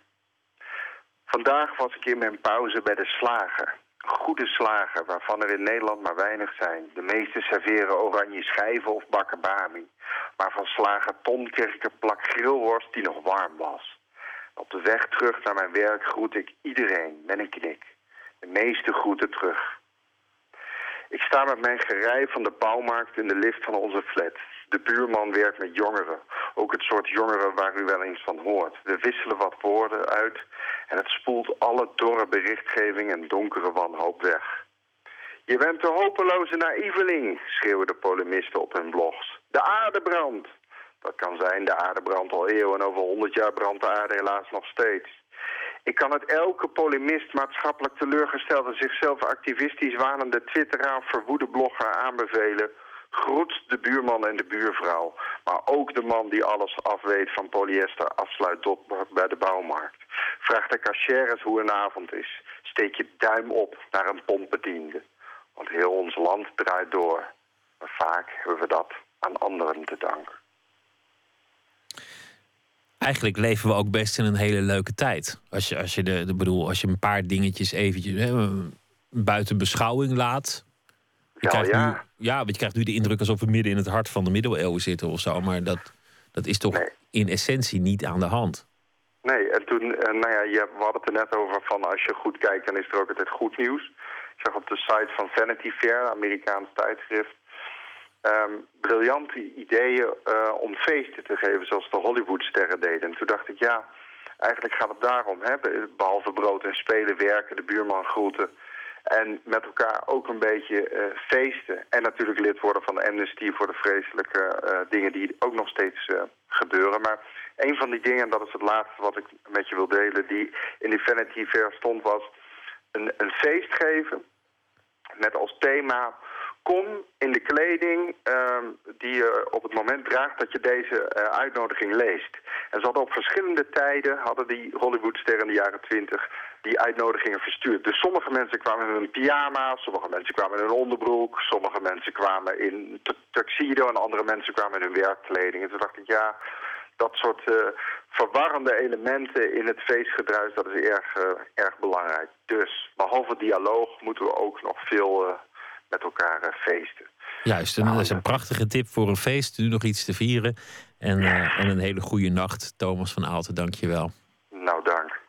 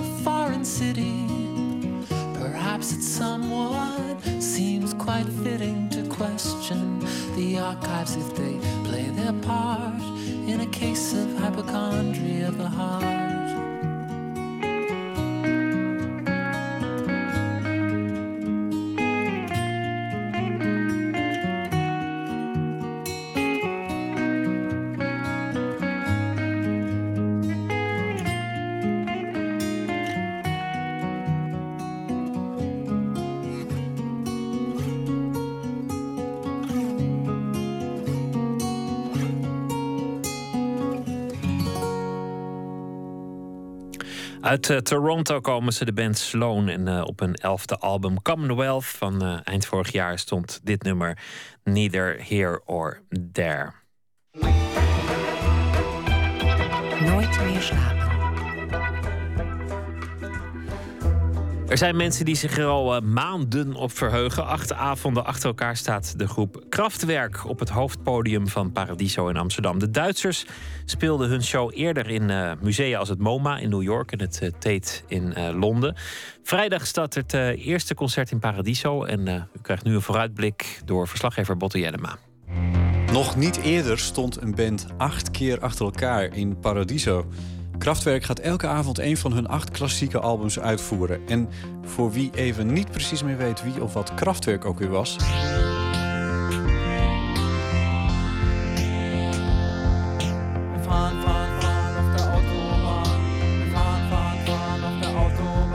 Vier mannen, uniform en strak gekleed, naast elkaar op een klinisch leeg podium...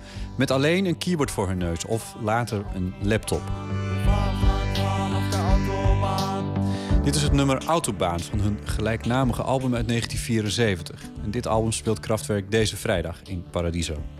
Officieel is het hun vierde studioalbum, maar de eerste drie vergeten ze liever. Vanaf dit album gebruikten de bandleden uitsluitend elektronische instrumenten. Het nummer duurt 22,5 minuut en nam de complete A-kant van een LP in beslag. De kortere radioversie bereikte een nummer 12 positie in de Nederlandse top 40 in de zomer van 1975. Ook in de Verenigde Staten en in Groot-Brittannië werd het een bescheiden top 40 hit.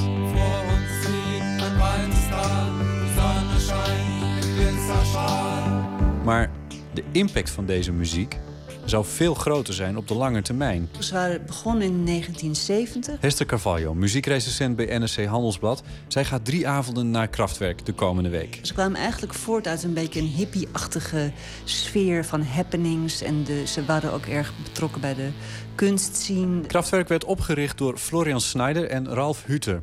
Ze ontmoeten elkaar op het conservatorium in Düsseldorf... waar klassieke muziek wordt onderwezen. Hester interviewde Huter vorig jaar. Ze waren heel gretig.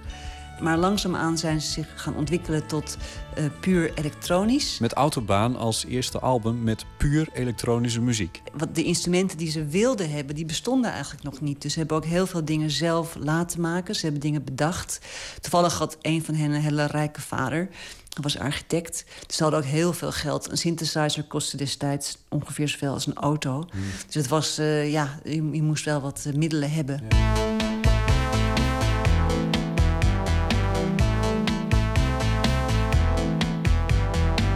De impact die de elektronische muziek van Kraftwerk had, is moeilijk te overschatten. Ik vraag Hester of ze iets van deze tijd weet waar we het mee kunnen vergelijken. Iets wat nu muzikaal gebeurt, wat net zo ongewoon is als Kraftwerk. Ja, waar, waar zou het mee kunnen vergelijken? dat al heel lang eh, eigenlijk niet meer is gebeurd. Zoiets wat zo afwijkt. Nou, ik kan me eigenlijk niet voorstellen. Ja, nee. Nee, het laatste... Dat is ook een antwoord. Ja, dit is er niet. Going out to nightclubs, drinking just champagne. Ik kan me heel goed voorstellen dat je het in 1974 krankzinnig vond en, en afschuwelijk. En dat mensen toen zeiden van het is rare science fiction muziek en het is koud en cool. Want het wordt gemaakt door computers, of althans daar de voorloper van. Vind jij het mooi? Ja, ik vind het heel erg mooi. Ik vind het ook helemaal niet cool. Maar dat zou net zo goed wel kunnen. Maar het verbaast me eigenlijk juist hoe... Nederlandse cool bedoel je dan, hè? Ja, ja, ja. koud. Koud en kil. Eh, maar het verbaast me juist hoe dat, het, hoe het dat, dat helemaal niet is. En daar hebben ze dus een heel speciaal talent eh, voor... om dingen ook weer heel eh, gevoelvol te maken. En ik heb ze vorig jaar in het Evoluon gezien... En dat was echt nou, fantastisch. Ja, ook door de ongelooflijke ambiance van dat eh Evoluon. Die rare vliegende schotel daar bij Eindhoven. Nou, dat paste natuurlijk helemaal bij hun.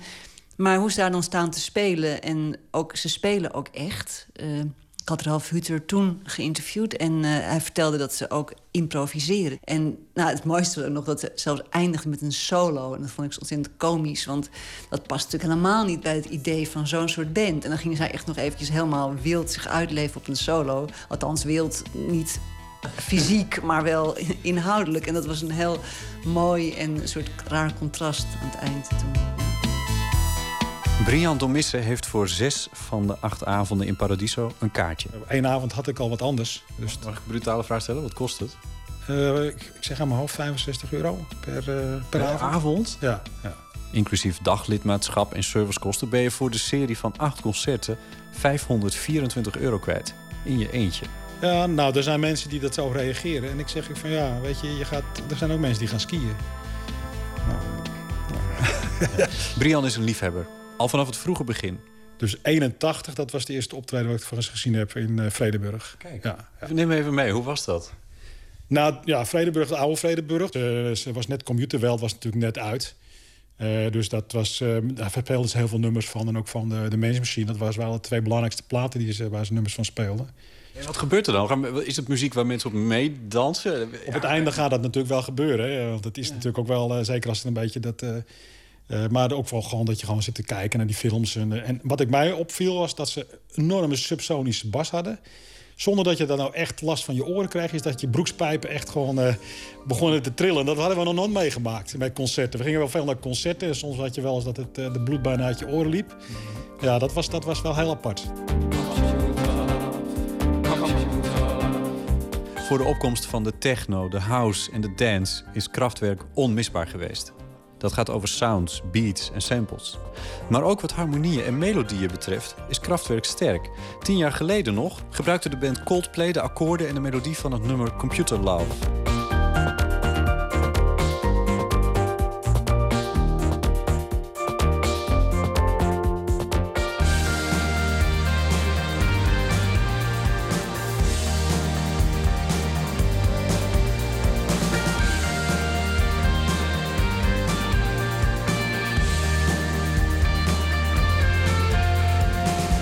Talk werd een grote hit voor Coldplay. Nou ja, het is natuurlijk heel leuk dat ze dat wat zij in 1974, 75 deden, dat dat nog steeds zo ontzettend veel erkenning krijgt en zo vaak wordt genoemd als voorbeeld. Dat is echt ongelooflijk. Als je nu een willekeurige elektronica bent, een hot chip of, of eh, air, nou dat is wel wat ouder, maar ook eh, meer actuele dingen.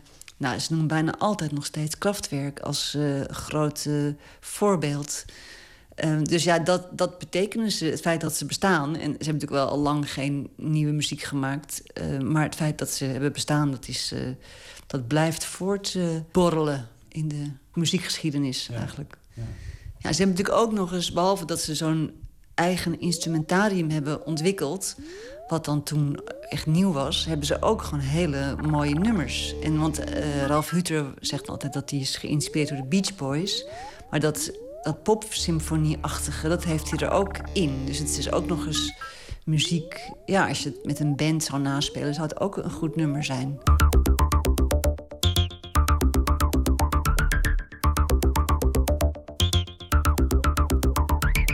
Goede muziek en, en, en opzet van dat je acht concerten naast elkaar geeft en een LP centraal stelt. Dat is natuurlijk wel, vind ik wel heel apart.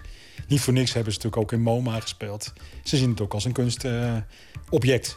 Ja, ze zien het zelf, noemen ze het wel eens een conceptuele performance. Ik denk dat het. eh, dat is natuurlijk ook hun manier van denken, om dingen in concepten te vatten. Hoe dat precies uitpakt de komende dagen kan ik nog niet overzien. Of ze per avond ook visueel een concept gaan presenteren. Zou kunnen. Dat ze bij elke cd een bepaald thema hebben bedacht. Waar ik wel heel erg benieuwd naar ben, is ze spelen integraal dus hun LP's. Nou, de meeste concerten die ik van ze gezien heb, spelen ze de highlights. Of tenminste de nummers die echt in een concert goed tot z'n recht komen. Dus ik ben heel erg benieuwd hoe ze bepaalde, ja, een beetje friekerige tussenstukjes in radioactiviteit bijvoorbeeld. Of ze dat ook allemaal gaan spelen. Ze speelde dus 1976 in september in Paradiso. En Ralf Hutter heeft, dat vertelde hij vorig jaar in het interview ook... eh, altijd heel erg warme herinneringen aan het optreden in Paradiso. Omdat het was de eerste keer dat ze het nummer Trans-Europe Express hebben uitgevoerd live. Dat was een belangrijke avond. En het grappige is dat, eh, nou ja, nu is Kraftwerk dan in het gewild. Iedereen wil erheen en het kost heel veel geld. Uitverkocht op één avond na.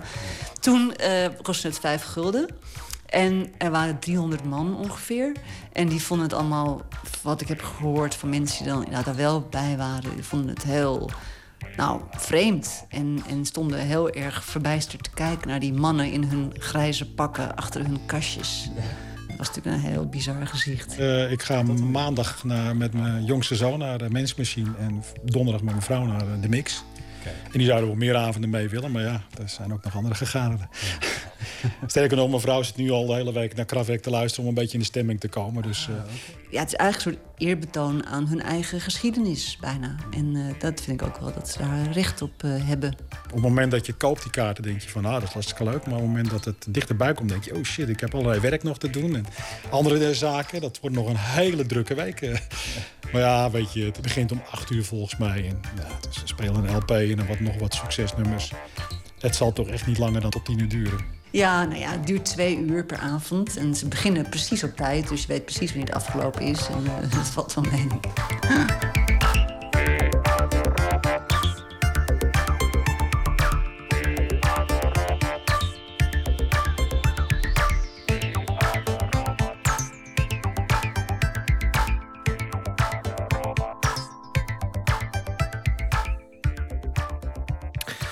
denk ik. NRC muziekrecensent Hester Carvalho en Kraftwerk-liefhebber Brian Domesse over de aanstaande concertserie van de Duitse elektronische muziekband Kraftwerk in Paradiso. Vrijdag beginnen ze. Ze spelen acht avonden achter elkaar. Elke avond één album. Er zijn alleen nog kaarten voor het eh, concert van woensdag. Want dan spelen ze hun eh, minst populaire plaat Techno Pop. Vandaag in eh, Groningen begon het Eurosonic Noorderslag eh, Festival. Honderden bands en muzikanten zullen de stad overspoelen. Eén daarvan eh, is de Britse zangeres Ella Ayer. En hier hoort u een cover van het disco-nummer uit 1986...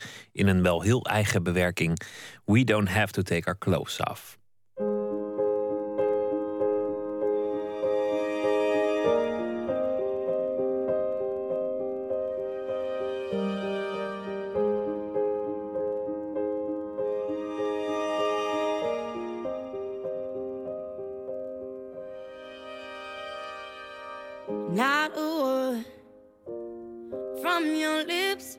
You just took for granted that I want to skin it deep on a quick hit. That's your game, but I'm not a piece of meat. Simulate my fate. No, the night is young, and so are we. Let's just get to know each other slow and easily. Oh, oh. take my hand, let's hit the floor and shake our bodies to the music, maybe. Then you'll score. So come on, baby, won't you show some class? Why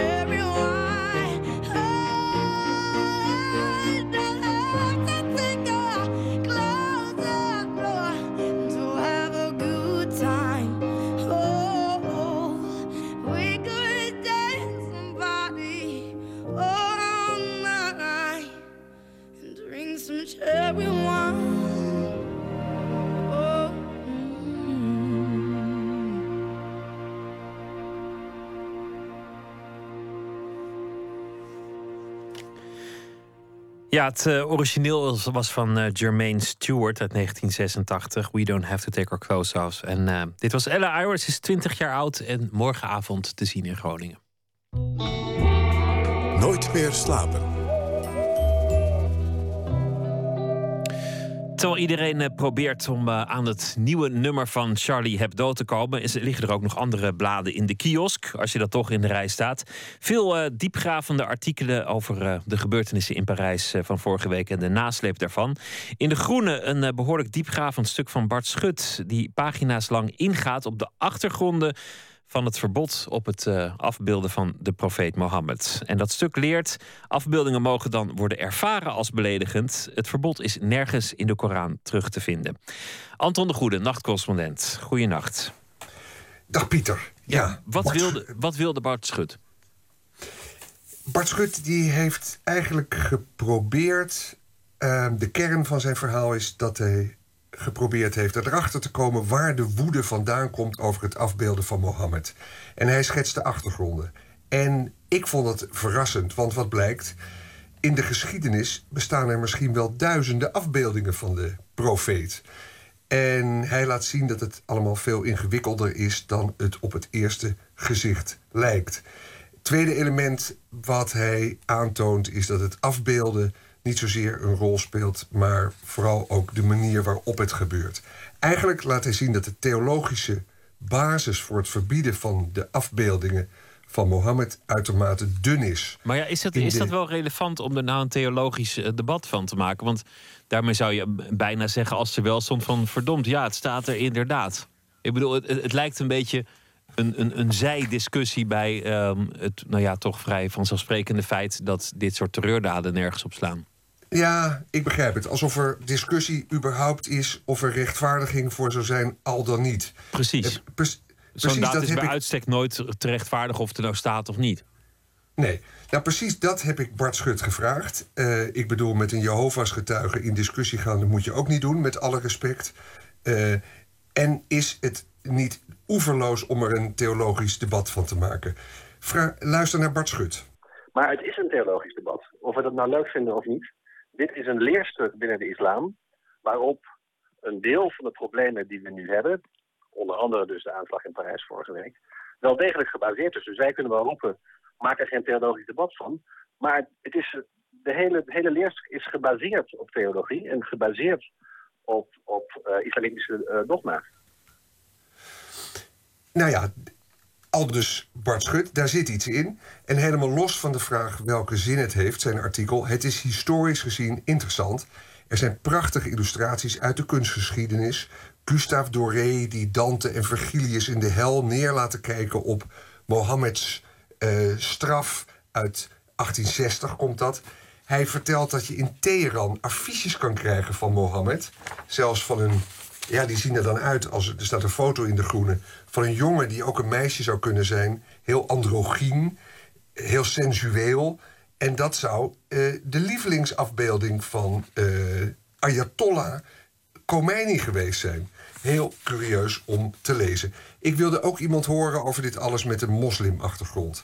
En vroeg imam Mohammed Chepi of hij wilde reageren op het artikel. Chepi had ik aan de telefoon en hij zei letterlijk... Ik vind het een onzindiscussie. Hij maait het belang ervan resoluut van tafel. En eigenlijk zegt hij: extremisten houden zich helemaal niet bezig met de inhoud van de islam. Hij zegt nog net niet: deden ze dat maar.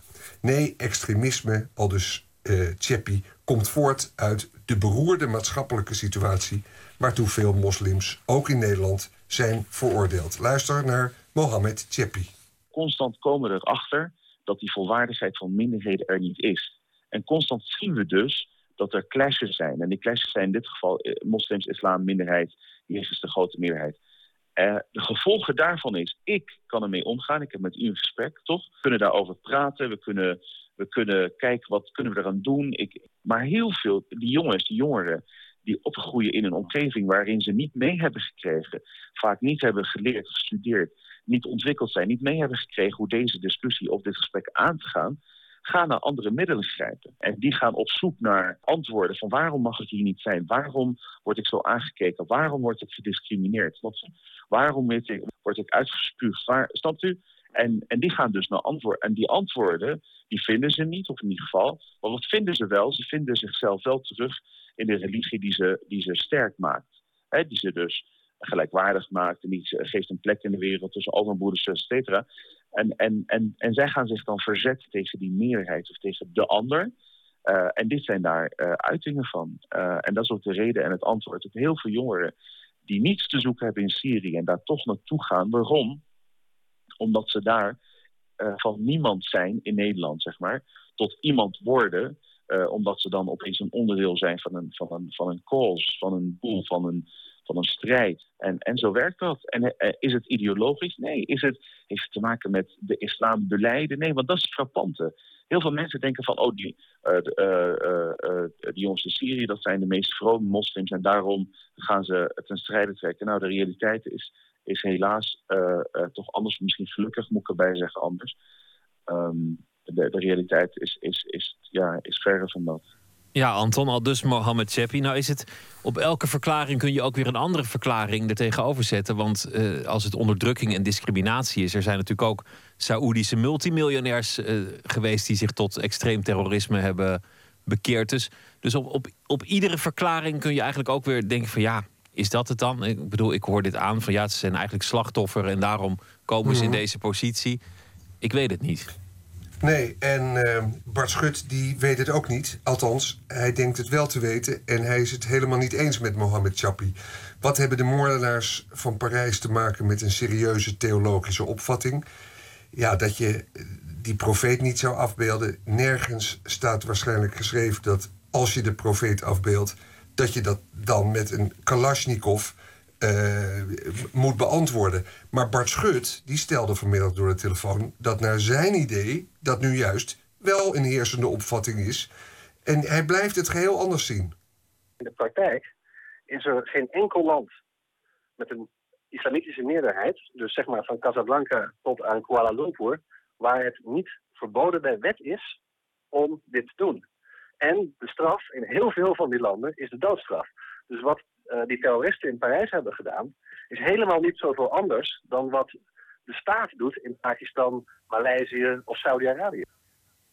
Een eh, interessant gegeven dat het eh, theologisch allemaal nergens op slaat. Maar eh, nou ja, dat, het blijft toch maar een achtergrondgegeven. Het is niet de kern van de discussie, lijkt me. Nee, maar ja, Schut die wees er nog even fijntjes op... dat op dit moment, as we speak... eh, terwijl we rouwen over de slachtoffers in Parijs... er elke week in Saoedi-Arabië een blogger... wekelijks krijgt hij 50 zweepslagen...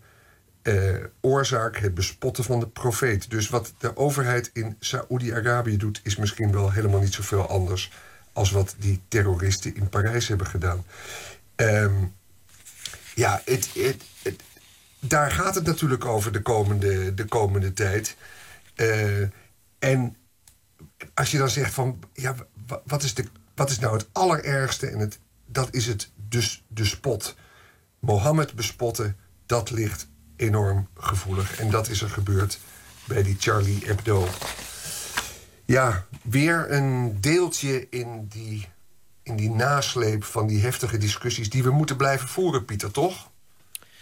Ja, zeker. Alleen, eh, bedoel, dan zeggen mensen het is een, een achterstallige positie of het is onderdrukking. Of anderen zeggen het is gewoon puur de islam. Eh, daar komt het allemaal vandaan, daar zit het kwaad. Of, of weer anderen die zeggen van, eh, nou ja, ik, ik, hoor zoveel verklaringen waarvan ik denk, ja, volgens mij is het niet de spijker op de kop. En volgens mij is het gewoon, zijn heel veel dingen een beetje waar, maar heel veel dingen zijn ook een beetje comfort. En, en de precieze theologie heeft er volgens mij niet heel veel mee te maken. Wie Bart Schut wil lezen, kopen de groene. Het is trouwens een stuk dat al een jaar geleden geschreven was. Want ik dacht, hoe kan deze man in godsnaam zo'n eh, zo'n historisch verantwoord stuk schrijven? Eh, maar het lag er al een jaar. En de bizarre omstandigheden nu hebben ertoe geleid dat het is afgedrukt. In de groene die morgen in de kiosk ligt. José González is een eh, singer-songwriter uit Zweden. En hij coverde in 2005 een nummer van een andere Zweedse band, namelijk The Knife. Eh, de titel van dat nummer is Heartbeats. En eh, dat werd toen weer door iemand anders eh, gebruikt in een commercial. En toen werd het ineens toch nog een hit.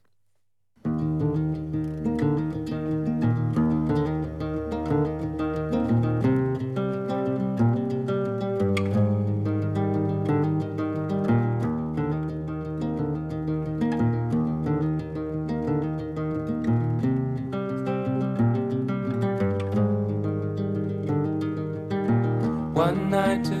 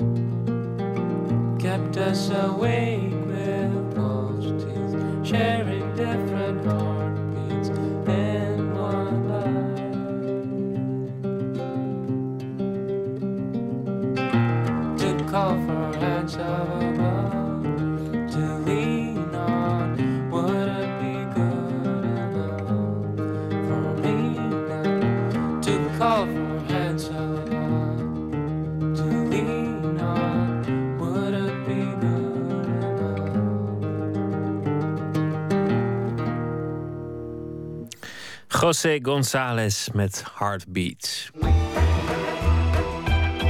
Nooit meer slapen. Floride is eh, 29 jaar oud en heeft eh, toch wel een eh, bliksemcarrière gemaakt als illustrator. Drie jaar geleden had niemand kunnen vermoeden dat zij eh, nu een van de grote klassiekers uit de kinderliteratuur zou illustreren. Het eh, begon allemaal toen ze interviews ging illustreren voor het Parool. Getekende interviews werd het. In eh, 2013 was dat. En ehm, daarna kreeg ze de kans om het raadsel om van alles wat leeft te illustreren. Daarmee won ze een eh, zilveren en een gouden penseel. Eerbaar genoeg. En alsof eh, de druk op het tweede boek dan nog niet genoeg is, boog zij zich vervolgens over de klassieker Alice in Wonderland. Inderdaad, dat verhaal over het meisje dat zomaar door een sleutelgat kan verdwijnen of in een konijnenhol, waar al zoveel tekenaars en filmmakers hun tanden op stuk hebben gebeten. You know, we really shouldn't be doing this. After all, we haven't been invited, and curiosity often leads to trouble. Brutaal, eh, eigenzinnig.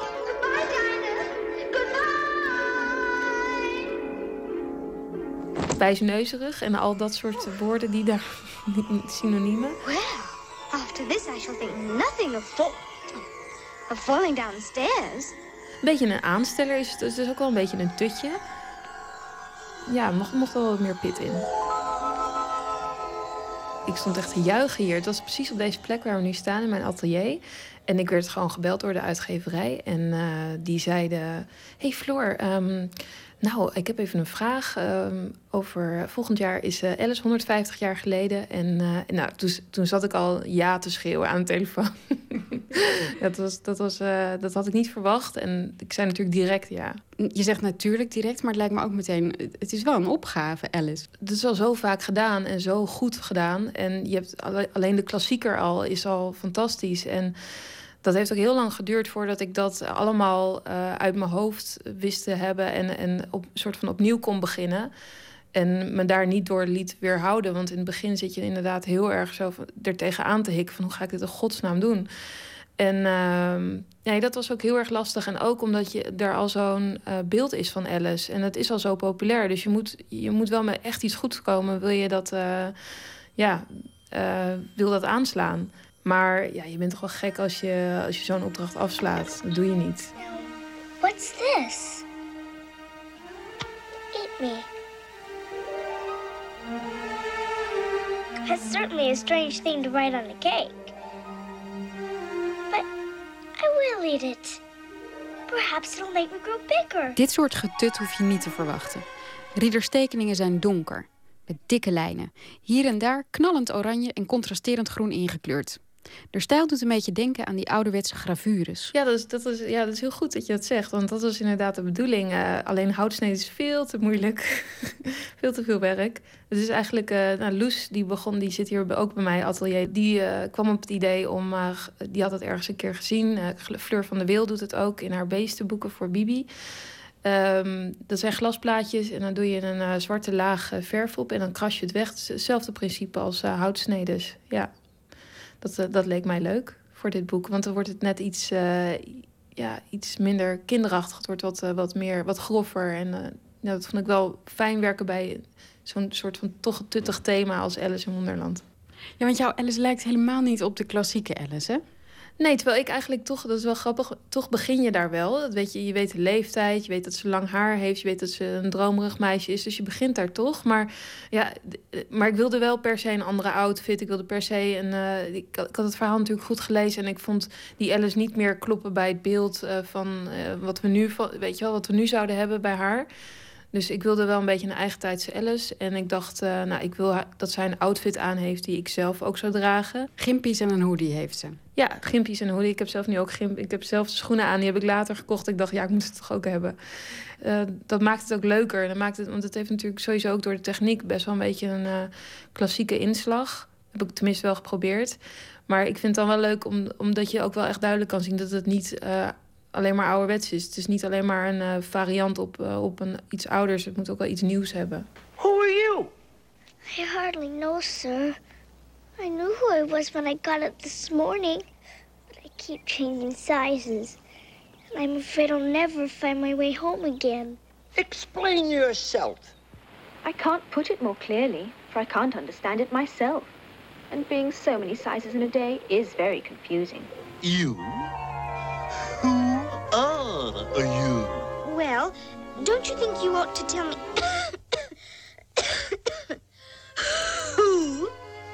first? Come back. I've something very important to tell you. Demanded the caterpillar. Hoe wist je dat je Alice had, dat ze af was? Dat je het, het figuurtje had waarmee je kon gaan werken? Eh, ja, dat heeft inderdaad heel lang geduurd. Want ik eh, durfde eigenlijk de hele haar niet te tekenen. En toen, eh, het eerste glasplaatje heb ik haar ook van achter getekend. Dat is ook de allereerste pagina. zie je dat ook. dan staat ze met een grote paardenbloem.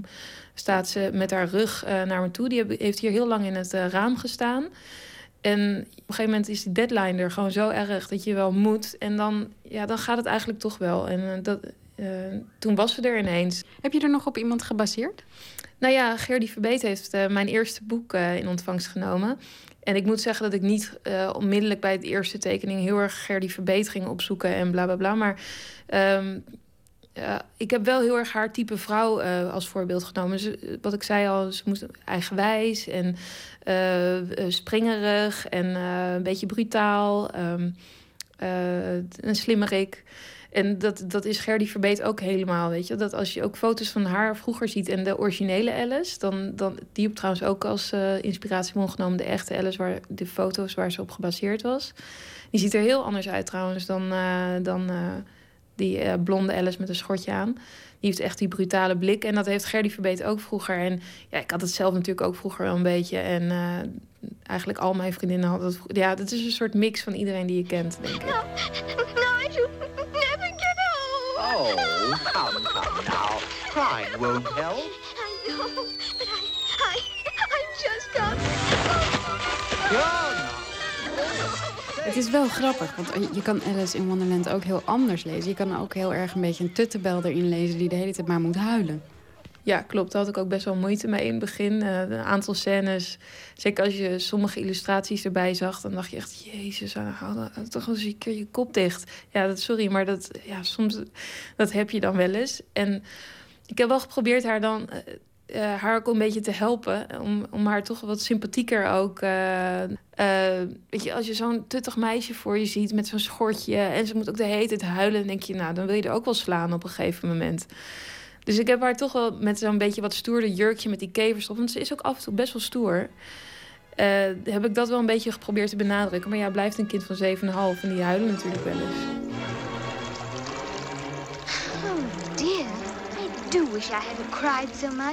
Oh. De tekeningen van Floor Rieder zijn vol. Neem alleen al die kaft, die deze week werd bekroond met de prijs voor beste omslag. Het is echt even zoeken naar Alice, onder die onstuimig groeiende boom met al die blaadjes. En met dat soort zoekblaadjes begint elk hoofdstuk. Ja, ik hou van vol. Nou, ik hou eigenlijk helemaal niet van vol. Want zoals je hier ook in mijn atelier ziet, ik ben best wel opgeruimd. Ik zei net dat sorry voor de troep, maar het is inderdaad eigenlijk helemaal geen troep. Maar eh, ja, op een of andere manier moet alles vol. Dan begin, dan begin ik heel vaak met, nee, ik ga het heel simpel doen dit keer. Ik ga het heel rustig eh, doen, maar dat lukt me niet. Dat moet altijd, er moet toch weer een structuurtje in, of dan moet het toch weer... Het moet, bij mij is dat een beetje of het moet helemaal vol of het moet helemaal leeg. Maar het moet niet rommelig zijn.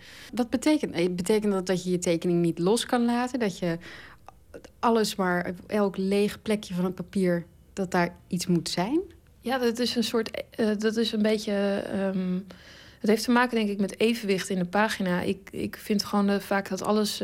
dus wat ik net zeg, of het moet helemaal vol of moet helemaal leeg. Als ik ergens binnenkom, ook, dan ga ik gelijk alles rechtleggen.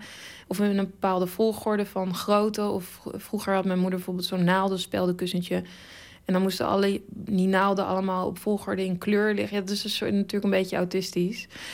is een kleine vorm van of zo, ik weet niet. En, eh, maar ja, dat, eh, dat heeft dat volle ook mee te maken. Dat, dat, dat gaat bij mij automatisch. Die, er moet over een kader omheen, maar soms ook juist niet hoor. Maar het zijn altijd wel, wel overwogen keuzes. Er moet altijd wel een soort ritme of evenwicht in zitten. Stel bijvoorbeeld bij die omslag, die zit helemaal vol met blaadjes. Als er bijvoorbeeld ergens, als je door je oogharen kijkt en ik zie nog ergens een zwart gat, dan wat ik niet zo heb bedoeld, dan moet het ook echt opnieuw. I will not hold my tongue. Hold yours.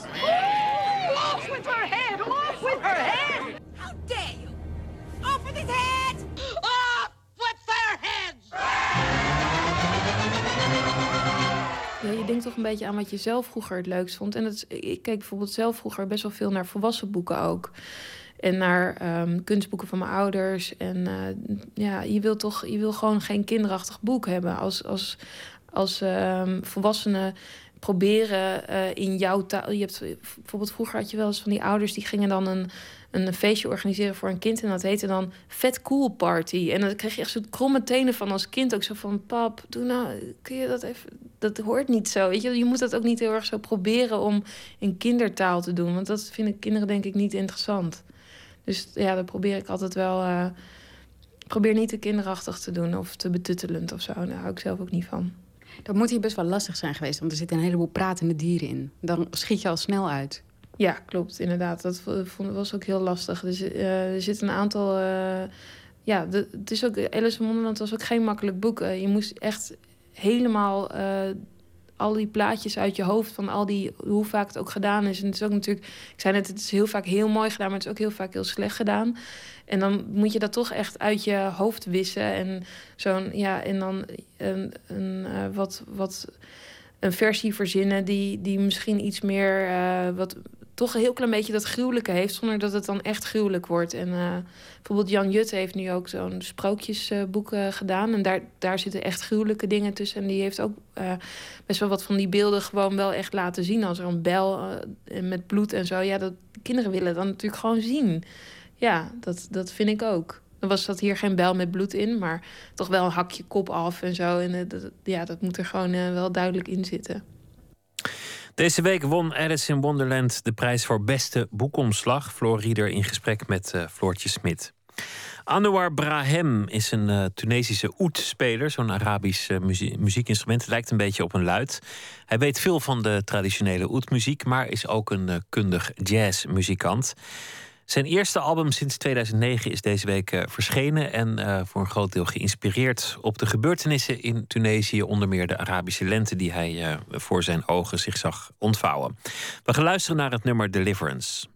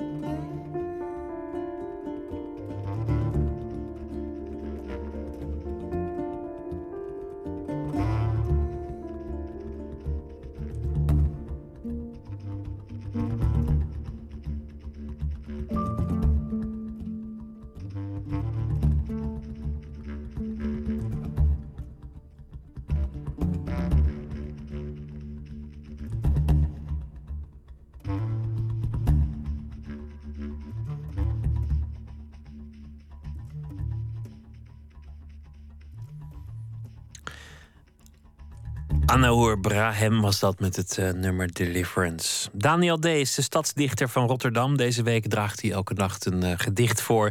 Een gedicht van iemand anders dat hem na het hart eh, ligt. Vanavond het gedicht His Master's Voice van Tom Lanois.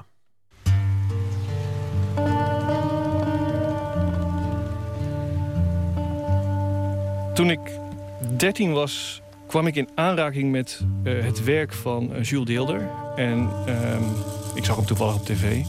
En vanaf dat moment eh, raakte ik geïnteresseerd in poëzie. En toen wilde ik verder. eh, want ik kende alleen dus maar Deelder. En ik wilde kijken wat er nog meer was. Dus ik kocht van mijn eigen zakgeld een bloemlezing Dichters van Nu. En daarin vond ik het werk van Tom Lanois. En ik was gelijk verkocht. En ik ben daarna ook de bundels van hem gaan kopen.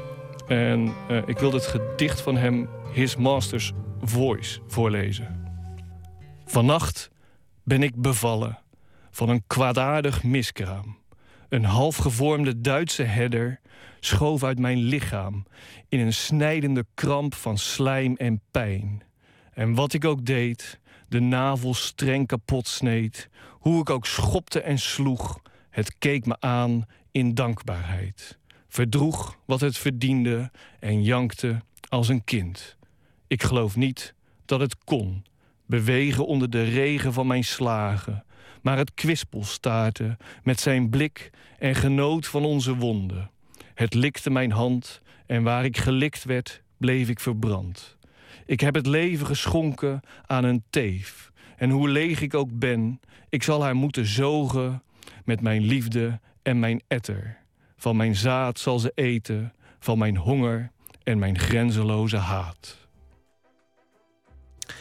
Al dus eh, Daniel D., de stadsdichter van Rotterdam. Morgennacht zal hij weer een eh, gedicht voor ons eh, voordragen. Voor nu een hele goede nacht. Morgen zijn we er weer na middernacht. Ehm, en nou ja, ik wens u een hele goede tijd in de tussentijd. Zometeen de Vara met de Nacht van Jolen met Francisco van Jolen. Goeienacht, graag weer tot morgen.